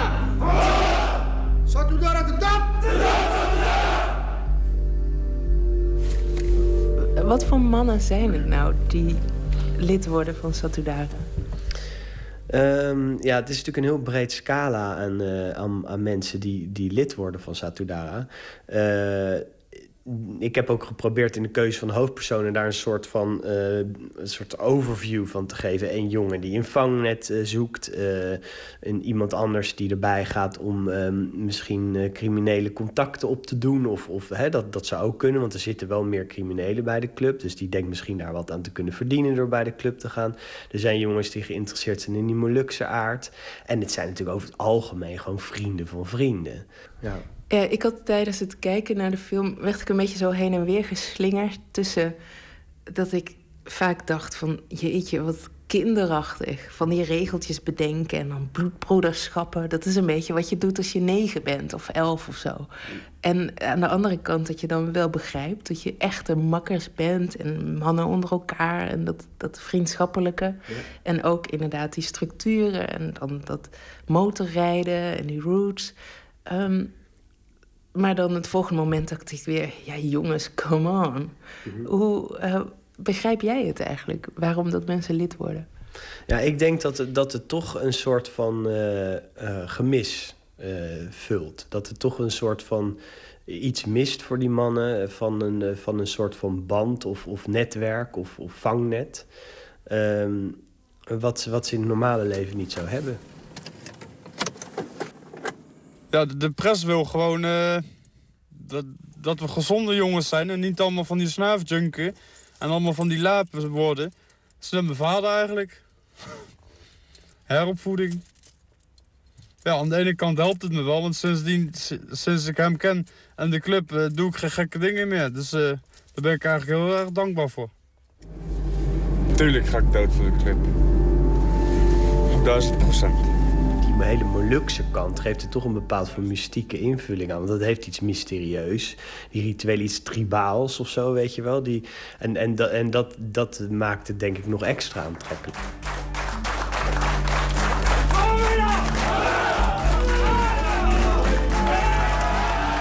En als je dan in zo'n groep stapt, dus in dit geval Satudara... word je dan vrienden?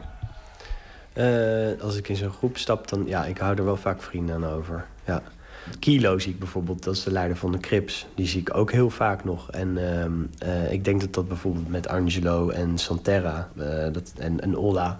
dat zijn allemaal jongens eh, die in de film zitten van- over Satudara. Dat, die blijf ik ook zien. Dat, eh, daar heb ik veel mee meegemaakt. En daar zijn toch wel jongens waar ik me heel, heel prettig bij voel, ja. Ja? Ja, ja. ja. Mijn moeder is eh 83. 16 kinderen. Ze maakt me altijd zorgen voor mijn moeder. Om, laat me tattoo. Ja? Om, laat me tattoo. Ja? Ja. Ik dacht bij Olla heel erg, wat gebeurt er intussen onder dat mystieke laagje? Ja. Nee, dat is een goede vraag. Ja, dat, is, nou ja, dat zijn ook van die dingen die laat je natuurlijk als maker een beetje in het midden. Ik bedoel, ik, het is prima als een, als een kijker eh, zijn eigen gedachten daarover heeft. Kijk, je hebt echt uitgesproken helden in documentaires of films... waar je echt gewoon, eh, die je wil zijn als kijker. En dat is denk ik met deze jongens voor heel veel mensen niet het geval gewoon. Nee. Nee. Je krijgt toch ook het gevoel, als je in ieder geval het nieuws volgt... het is gewoon een criminele organisatie. Er zit gewoon een structuur achter, het is gewoon een soort maffia. Die gesprekken ben je natuurlijk niet bij geweest. Hoe heb je geprobeerd om daarachter te komen eigenlijk?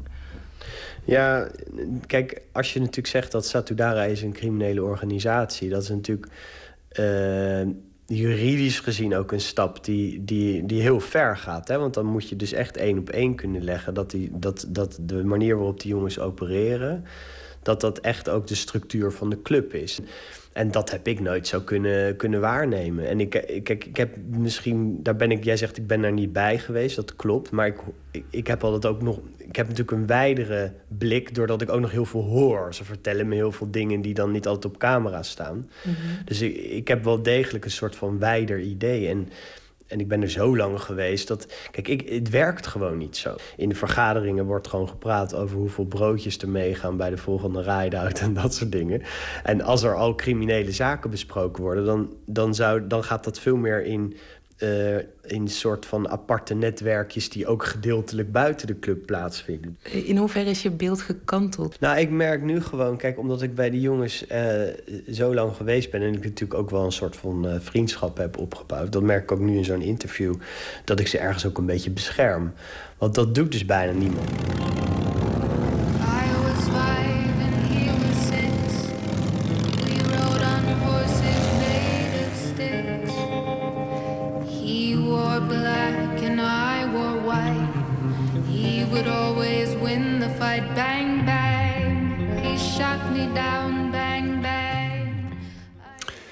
Tot zover de documentaire Satudara One Blood wordt aanstaande maandag uitgezonden op NPO 2. Emmy Collau sprak met de maker Joost van der Valk. Francesca Belmonte dan werkt al aan een aantal jaar met Tricky samen. De trip-hop muzikant uit Bristol die op zijn beurt nu op zijn eigen platenlabel haar debuutalbum Anima heeft uitgebracht. Van die plaat draaien we het nummer Your Sons. Your sorrow, oh, your songs are hero. But what for? I'm not sure. Your young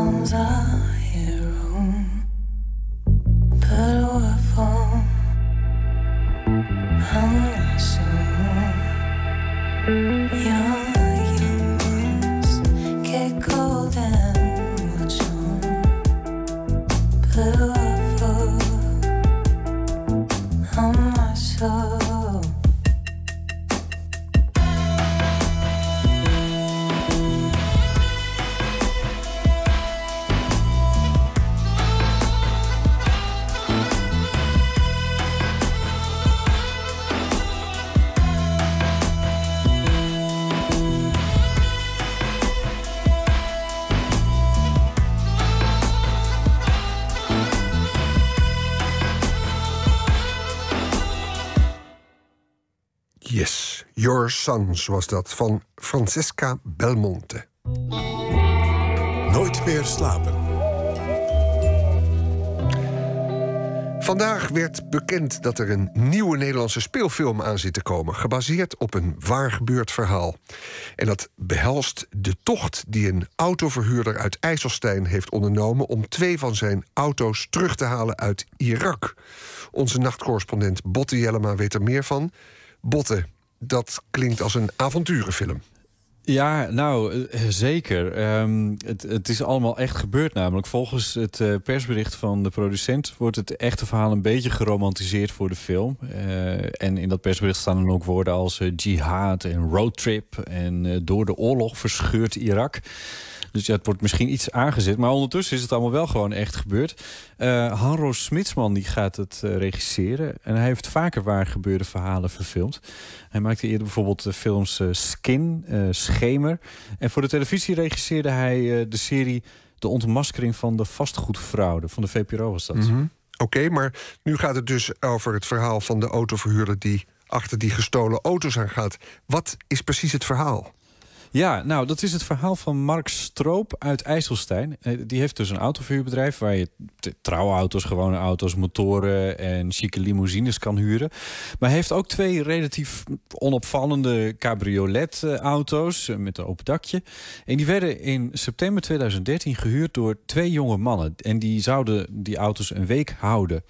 En een dag voordat ze ze terug zouden moeten brengen, toen eh, zag Mark Stroop iets bijzonders. Ik heb hem vanmiddag even opgebeld, de man zelf. Hij stond op het punt om naar Lyon te rijden om een motorfiets weg te brengen. Maar ik vroeg hem even wat hij toen de tijd heeft ontdekt. Ja, de auto's waren voor een week verhuurd. En daarna was eentje direct daarna weer verhuurd voor een bruiloft. En het uh, bruispaar belde mij van, joh, uh, staat die auto wel op tijd klaar morgen? En ik keek even op het track-and-trace systeem of ze alweer onderweg naar ons waren. Maar ze reden in Turkije richting Syrië. Dus dat was op dat moment wel even schrikken, ja. Ja, track-and-trace systeem. Oftewel een systeem waarmee je uh, op de computer kan zien waar je auto's zijn. Nou, dat zit in die huurauto's van hem ingebouwd.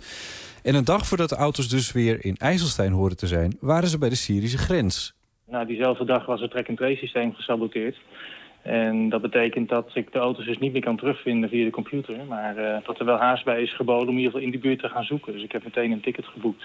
Nou, Mark liet er uh, geen gras over groeien, want die auto's die vertegenwoordigen bij elkaar een waarde van nou ja, iets van 75.000 euro of zo. Dus daar wilde hij best eventjes zijn best voor doen. Hij is naar Irak gegaan, samen met een tolk, en heeft zich daar bij de politie gemeld.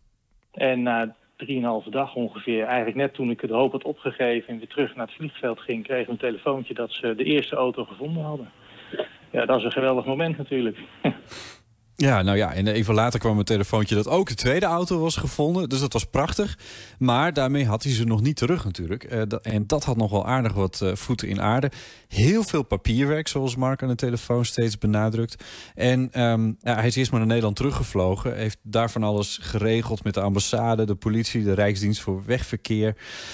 Al die instituten die daarbij zijn betrokken dan. En na een week of vier is hij met twee vrienden weer teruggevlogen naar Irak om die cabriolet-auto's op te halen. En ook dat werd nog een behoorlijk avontuur. Volgens mij was dan de kapitein van het uh, plaatselijke, uh, ja, de veiligheidsdiensten, zeg maar, uh, die ons aansprak van, joh, prima dat je die auto's wil ophalen, maar het is wel mijn neef die nu in de gevangenis zit door jullie. Dus vandaar dat er nog een heel toestand aan vast zat om om die auto's daadwerkelijk mee te krijgen. We nog met de familie van die uh, crimineel zeg maar, zitten onderhandelen... om uh, de aangifte die ik uh, vier weken eerder had gedaan weer in te trekken. Aangifte intrekken? Is, betekent dat ook dat hij in gevaar geweest is eigenlijk? Nou, het wordt wel een beetje penibel. Maar het vertelde het mij dat ze in het uh, Koerdische gedeelte van Irak waren. In september, oktober 2013 hebben we het dan ongeveer over. Op dat moment was het daar redelijk veilig. Ja, ik heb heel veel spannende momenten meegemaakt, maar niet zo... Ik, er is geen pistool op me gericht of, iets, of geschoten of iets dergelijks, dus dat niet. Maar je voelt wel gewoon de druk op het moment... Uh, ik had in eerste instantie zoiets uh, bij die familie van... nou, zoek het maar uit, laten we maar lekker in de gevangenis zitten. Ik neem auto's mee en uh, ik vind het wel best. Maar nou ja, die twee vrienden van mij die zeiden ook van... ja, wacht even, als we hier straks de poorten van het politiebureau uitrijden... wie weet wie ons op staat te wachten. Dus uh, we wilden er wel uitkomen. Dus uh, achteraf gezien uh, was het toch wel een betere optie om nog even te onderhandelen. En dat is gelukt. Krankzinnig, een wonderlijk verhaal. Met deze Mark Stroop ja. is ook, klinkt ook bijzonder nuchter. Niet echt als een groot avonturier, zal ik maar zeggen. Nou ja, het is natuurlijk wel... Uh, nee, helemaal niet. Het is een man die gewoon zijn auto's terug wilde. Heel simpel. Een ondernemer die 75.000 euro in de lucht zag vliegen. Um, uh, maar ja, op zichzelf, het is natuurlijk wel filmisch... dat je als uh, autoverhuurder uit IJsselstein... ineens in, ja, in een oorlogsgebied terechtkomt... om daar die twee uh, cabrio's terug te halen. Nou, dat ziet Mark ook wel dat dat een film is. Ja, achteraf snap ik heus wel dat het eh, iets bijzonders is. Eh, kijk, voor mij was het eigenlijk eh, vrij simpel. Ik wilde mijn auto's terughalen. Het is weliswaar een gevaarlijk gebied, maar ik heb, eh, nou, ik heb alles afgewogen en eh, goed eh, voorbereid. En het is gelukt om ze te vinden en, eh, en weer mee terug te krijgen. En voor mij was daarmee de kous af. En het is dat er later een journalist kwam die zei, van, "Joh, mag ik daar een artikeltje over schrijven? Dat het zo in de media kwam, had ik niet verwacht. Maar aan de andere kant, ja, ik snap het ook wel. En ook mensen die, die vinden het toch wel bijzonder wat er gebeurd is. En ja, dat daar ook nog een film van gemaakt kan worden. Ja, ik vind het geweldig.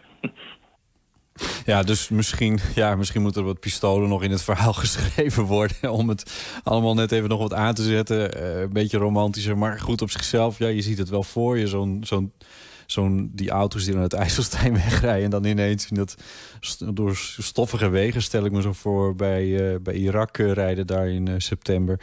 Ehm, maar ja, ehm, ja, Mark Stroop, die is zo'n terughaalde actie. Ik vind het wel een, al een, filmisch klinken allemaal. Mhm. Ja, één ding vraag ik mij af. Want hij is een autoverhuurder. En waarom heeft hij die auto's niet gewoon tegen diefstal verzekerd? En dan had hij dat toch gewoon kunnen aangeven?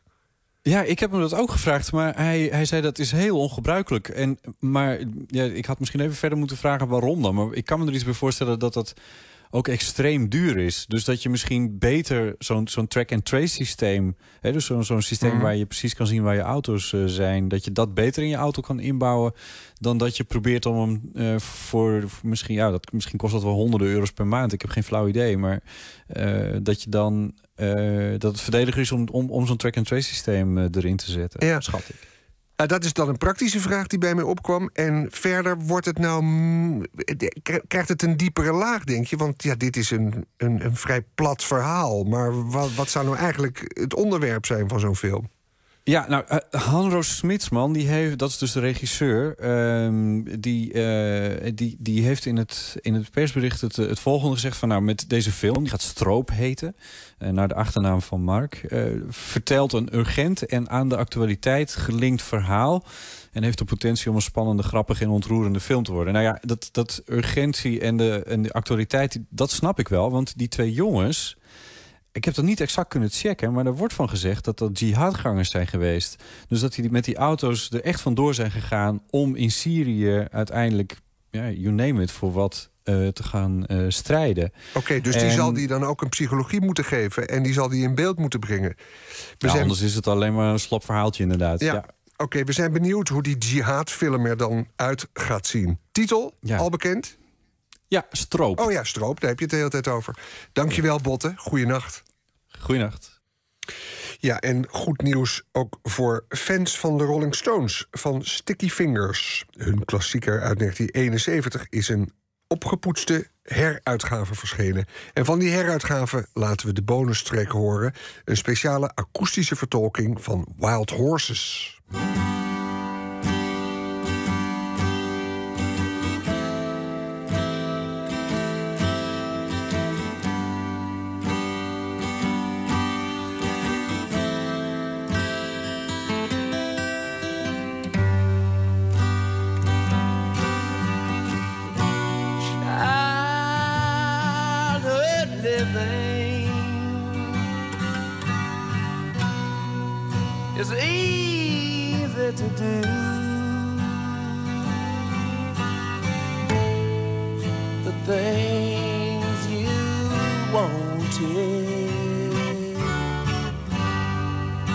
I bought them for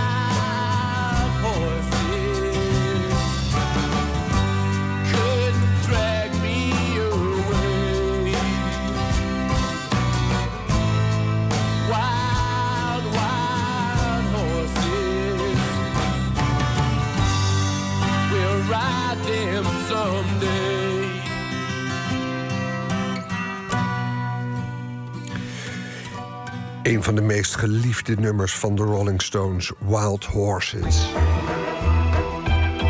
Nooit meer slapen. Het Nederlands Uitvaartmuseum Tot Zover in Amsterdam wil met de expositie De Vogelvanger suïcide bespreekbaar maken. Elke dag plegen gemiddeld vijf mensen in Nederland zelfmoord. De tentoonstelling bestaat uit zogeheten beelden-essays van ontwerper Richard Sluis, filmmaker Jasper Bruins, beeldend kunstenaar Meindert Gozewijn van Soest en fotograaf Gert Jochems. Verslaggever Nicole Terborg spreekt conservator Babs Bakels in het museum en gaat op atelierbezoek bij een van de kunstenaars. Ik was 17, toen heb ik geprobeerd zelfmoord te plegen. En ik zat eigenlijk in een soort isolement in die tijd. Ik werd eh, een paar jaar daarvoor eh, gepest op school. Ondertussen waren mijn ouders... Mijn vader is heel lang werkloos geweest. Dus er waren problemen met geld. Er waren problemen tussen mijn ouders. Nou, zo een optelsom van allerlei dat soort factoren. Kunst is dus eigenlijk een, een manier om een hele akelige boodschap eh, te omlijsten en te verzachten. En dat je dat ook kunt brengen. Hè? Want kijk, je moet je voorstellen dat er wordt veel geschreven over suïcide. Maar als je dat in beeld moet brengen, dan wordt het vaak heel schokkerend of sentimenteel. En eh, het is dus gelukt met deze kunstenaars, waaronder Mijnbert, eh, om een heel mooi geheel samen te stellen die heel terughoudend is, maar wel krachtig en heel gevoelig. Babs Bakels, conservator van het Nederlands Uitvaartmuseum. We zien de tentoonstelling De Vogelvanger eigenlijk als een soort mediavehikel. Om een gesprek op gang te brengen. Om, om eigenlijk suïcide uit de taboesfeer te halen. En daar speelt de media ook gewoon een belangrijke rol in. He, wij hebben de tentoonstelling echt gekoppeld aan het Papageno-effect. Namelijk, ehm, als je positief bericht geeft in de media, dan kun je mensen op andere ideeën brengen. Dus dan kun je mensen die suicidaal zijn van, eh, op andere gedachten brengen en het dus niet te laten doen. Ehm, Want het Papageno-effect is dat mensen juist iets zien in de media. Bijvoorbeeld zien dat iemand zelfmoord pleegt en het na gaan doen. En dat willen jullie juist voorkomen. hè? Ja, precies. We willen dus juist dat mensen eh, het inderdaad niet gaan doen en hulp gaan zoeken. Dus hulp zoeken is eh, gekoppeld aan het Papageno-effect. Nou, hier rechts van je in de grote zaal, daar komt de presentatie van mij met Gooswijf en Soest. En hier in de gang eh, komt een presentatie van Richard Sluis. Dat zijn eh, de crisis-related suicides eh, die hier als monument worden opgehangen. En verderop in de gang komt een hele mooie foto van Gert Jochems, dus een Belgisch fotograaf. En dan daar verderop rechts, daar bij die laatste deur, hè, verwijzend naar het boek van Jeroen Brouwer komt een film van eh, Jasper Bruins. En die gaat over eenzaamheid en over eh, eenzame bellers die s'nachts naar sensoor bellen. Eh, daar werken vrijwilligers die eh, 24 uur per dag ehm, luisteren naar mensen die eenzaam zijn. Is het dan zo dat er niemand meer tegen u zegt: Ik hou van je? Ja, ik zou niet weten voor wie u. Is er, is er nou niemand die u kent dat u zegt van daar is mijn leven nog belangrijk Ja, straks ga ik naar een van de kunstenaars. eh, op atelierbezoek bij Mijnbert Gozewijn van Soest. Dood speelt ook een belangrijke rol in zijn oeuvre als je gaat kijken. In ieder geval eeuwigheid en vergankelijkheid. Wat is de reden dat jij hem als conservator hebt gekozen... om een van de deelnemende kunstenaars te zijn? Nou, Mijnbert is eh, ten eerste een fantastisch eh, kunstenaar. En hij liet mij ooit de, zijn verzameling zien. En toen was ik natuurlijk volledig gegrepen. En ja, daar spreekt hoop uit. En dat is precies eh, wat we willen eh, uitzenden, willen communiceren. Dus dat viel perfect samen. Dus een tentoonstelling over zelfmoord... en toch spreekt er hoop uit, denk je? Ja, want je ziet dat die mensen worden gered. En die krijgen een tweede kans. En eh, het is gewoon heel bijzonder eigenlijk dat dit museum gaat over de dood. We maken alleen maar tentoonstellingen over de dood. Maar eigenlijk gaat deze tentoonstelling als eerste over het leven. Hoe paradox- eh, paradoxaal het eigenlijk ook klinkt. En dat zit in die foto's van mij met vervat. Want die mensen die leven, die hebben gekozen voor het leven.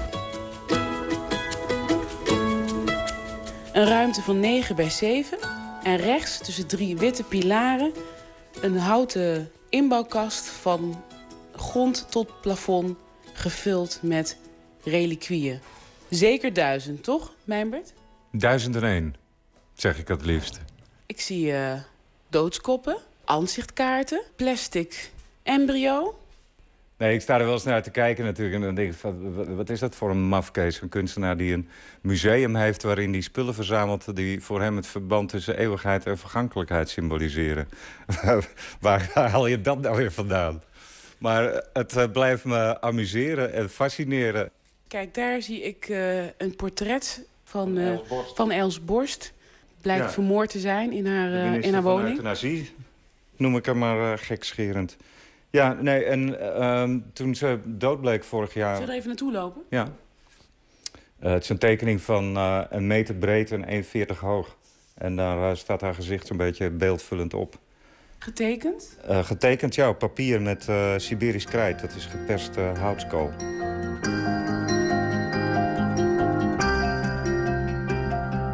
Op de tentoonstellingen hangen zo'n 50 eh, foto's die afkomstig zijn eh, uit eh, archieven van Amerikaanse persbureaus en, en kranten.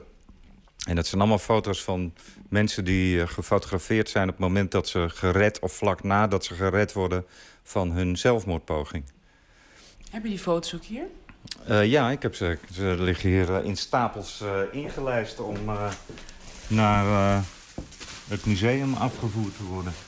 Eerste lijst die we zien. Ja, dit is een hele treurige foto van een meisje die eh, in de gevangenis is opgenomen. Omdat eh, in die tijd, ik denk dat deze foto uit de jaren 40, 50 is zo te zien.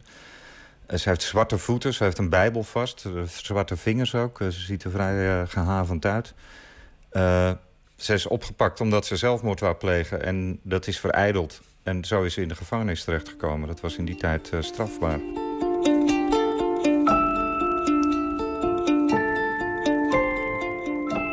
Waarom heb je deze foto's verzameld? Eh, na de dood van eh, mijn vriend Mok... had ik, ik had enorm last van de rouw. En toen ben ik naar een EMDR-therapeut gegaan. Dat is Eye Movement Desensitization and Reprocessing. Nou, zoek het maar op Google. Op Google. Bij die therapeut bleek eigenlijk dat eh, wat mij eh, dwars zat, ook eh, in die rouw... was de eenzaamheid die kwam, of die verband hield met mijn puberteit... toen ik zelf zelfmoord wou plegen. En na die therapie, die best wel wat voeten in de aarde had... die overigens heel goed geholpen heeft... ben ik eens op internet gaan kijken naar foto's van mensen die zelfmoord gepleegd hadden. En eigenlijk dacht ik al vrij snel van ja, dat vind ik niet zo interessant. En want dat, dat is allemaal al gebeurd. Ik leef nog, dus het zou interessanter zijn. En toen kwam ik inderdaad zo'n foto tegen van iemand die ge- gered werd van die zelfmoordpoging. En eh, eigenlijk was dat een soort herkenning van eh, mijzelf. Want ik heb mezelf dan. eh, ik heb het uiteindelijk niet gedaan op het laatste moment bij een poging. En bedacht van nou, dan leef ik 15 jaar door. Met het idee dat ik het morgen doe. Net zoals dat iemand eh, wil stoppen met roken. Ik ben nog steeds niet gestopt met roken. Oftewel, ik leef nog steeds. Daar, daar, dat is het idee. Eh, die foto's. Elke keer als ik weer zo'n foto zag. En ik ben er op een gegeven moment natuurlijk ook op, eh, naar op zoek gegaan. Van iemand die. wiens zelfmoord vereideld wordt.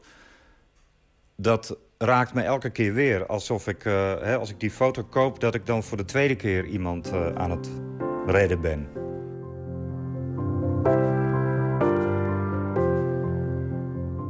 Dit is een afgietsel van eh, de botten van mijn kat eh, Floris... van eh, toen ik nog bij mijn ouders woonde. En die had mijn vader begraven in de tuin. En tien jaar daarna ben ik hem gaan opgraven... en heb ik, heb ik het zodanig gedaan dat alle botjes precies op de plek zijn blijven liggen. Maar wie gaat zijn oude kat nou opgraven? Ja, ik dus. Dat doe je als je een reliquieënmuseum hebt. Of misschien is het eigenlijk andersom. Als je een kat opgraaft, ja, dan moet je er ook wat mee. Dus dan begin je een reliquieënmuseum. En op deze manier eh, verzamel ik dan allemaal dat soort dingen... die gaan over herinneringen en over, eh, eh, over rouw. Ja. Omring jij jezelf met troost? ja, eigenlijk wel, ja. En ik hoop ook nog wat schoonheid. of misschien zit de schoonheid wel in de troost.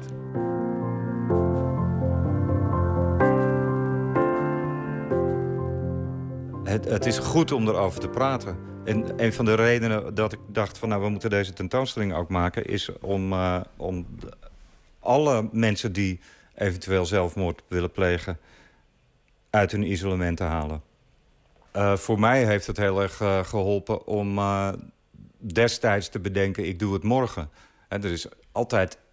Er kan iets gebeuren waardoor het niet meer nodig is om zelfmoord te plegen.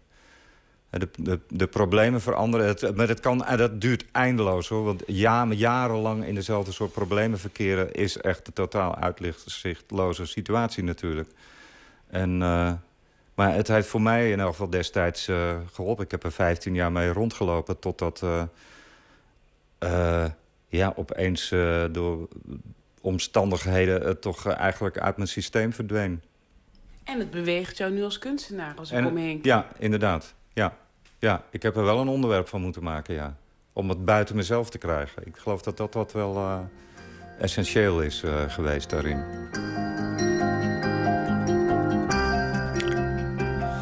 De expositie De Vogelzanger is van 25 juni tot en met 4 oktober te zien in het Nederlands Uitvaartmuseum. Tot zover. Een bijdrage was dit van Nicole Terborg. De Slow Show komt uit het Britse Manchester, maar wordt tot dusver vooral vergeleken met de Amerikaanse band The National. Van hun nieuwe album White Water is hier God Only Knows.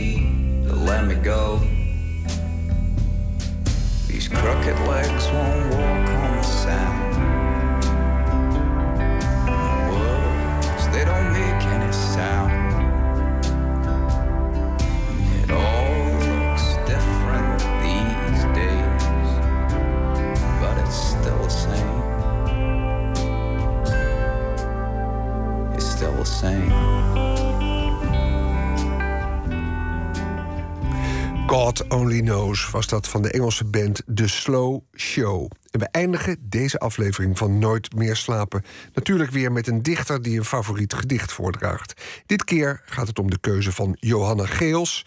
En zij koos vandaag voor een gedicht van de Zuid-Afrikaanse dichteres Antje Krog, getiteld Schrijfode.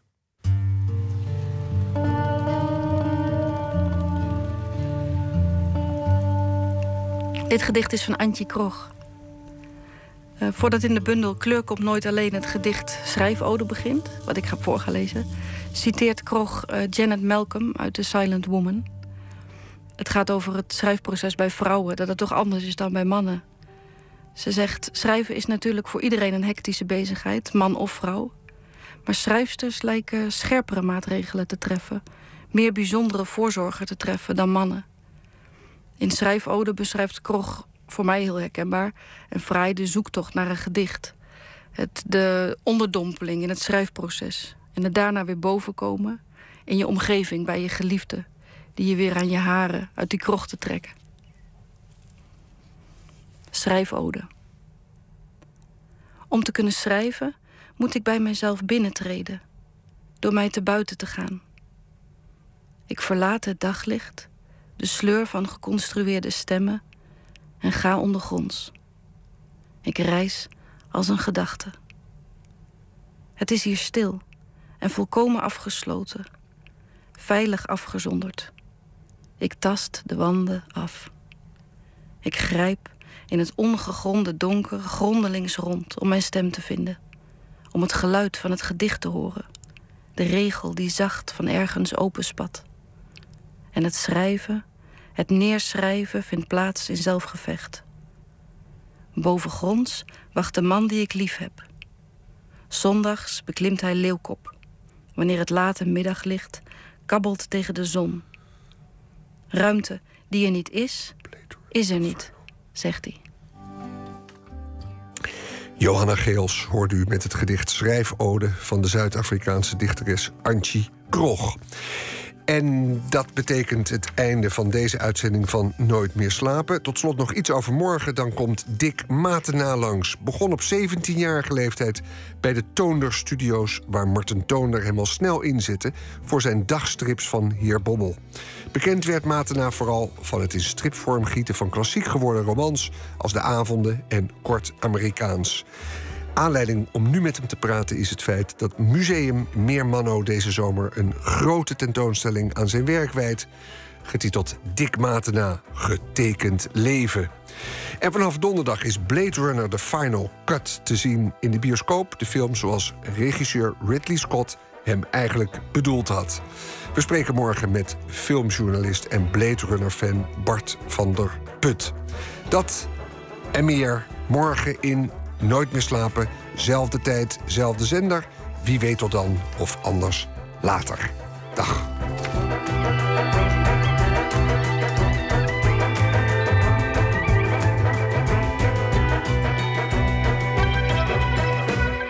Op Radio 1, het nieuws van alle kanten.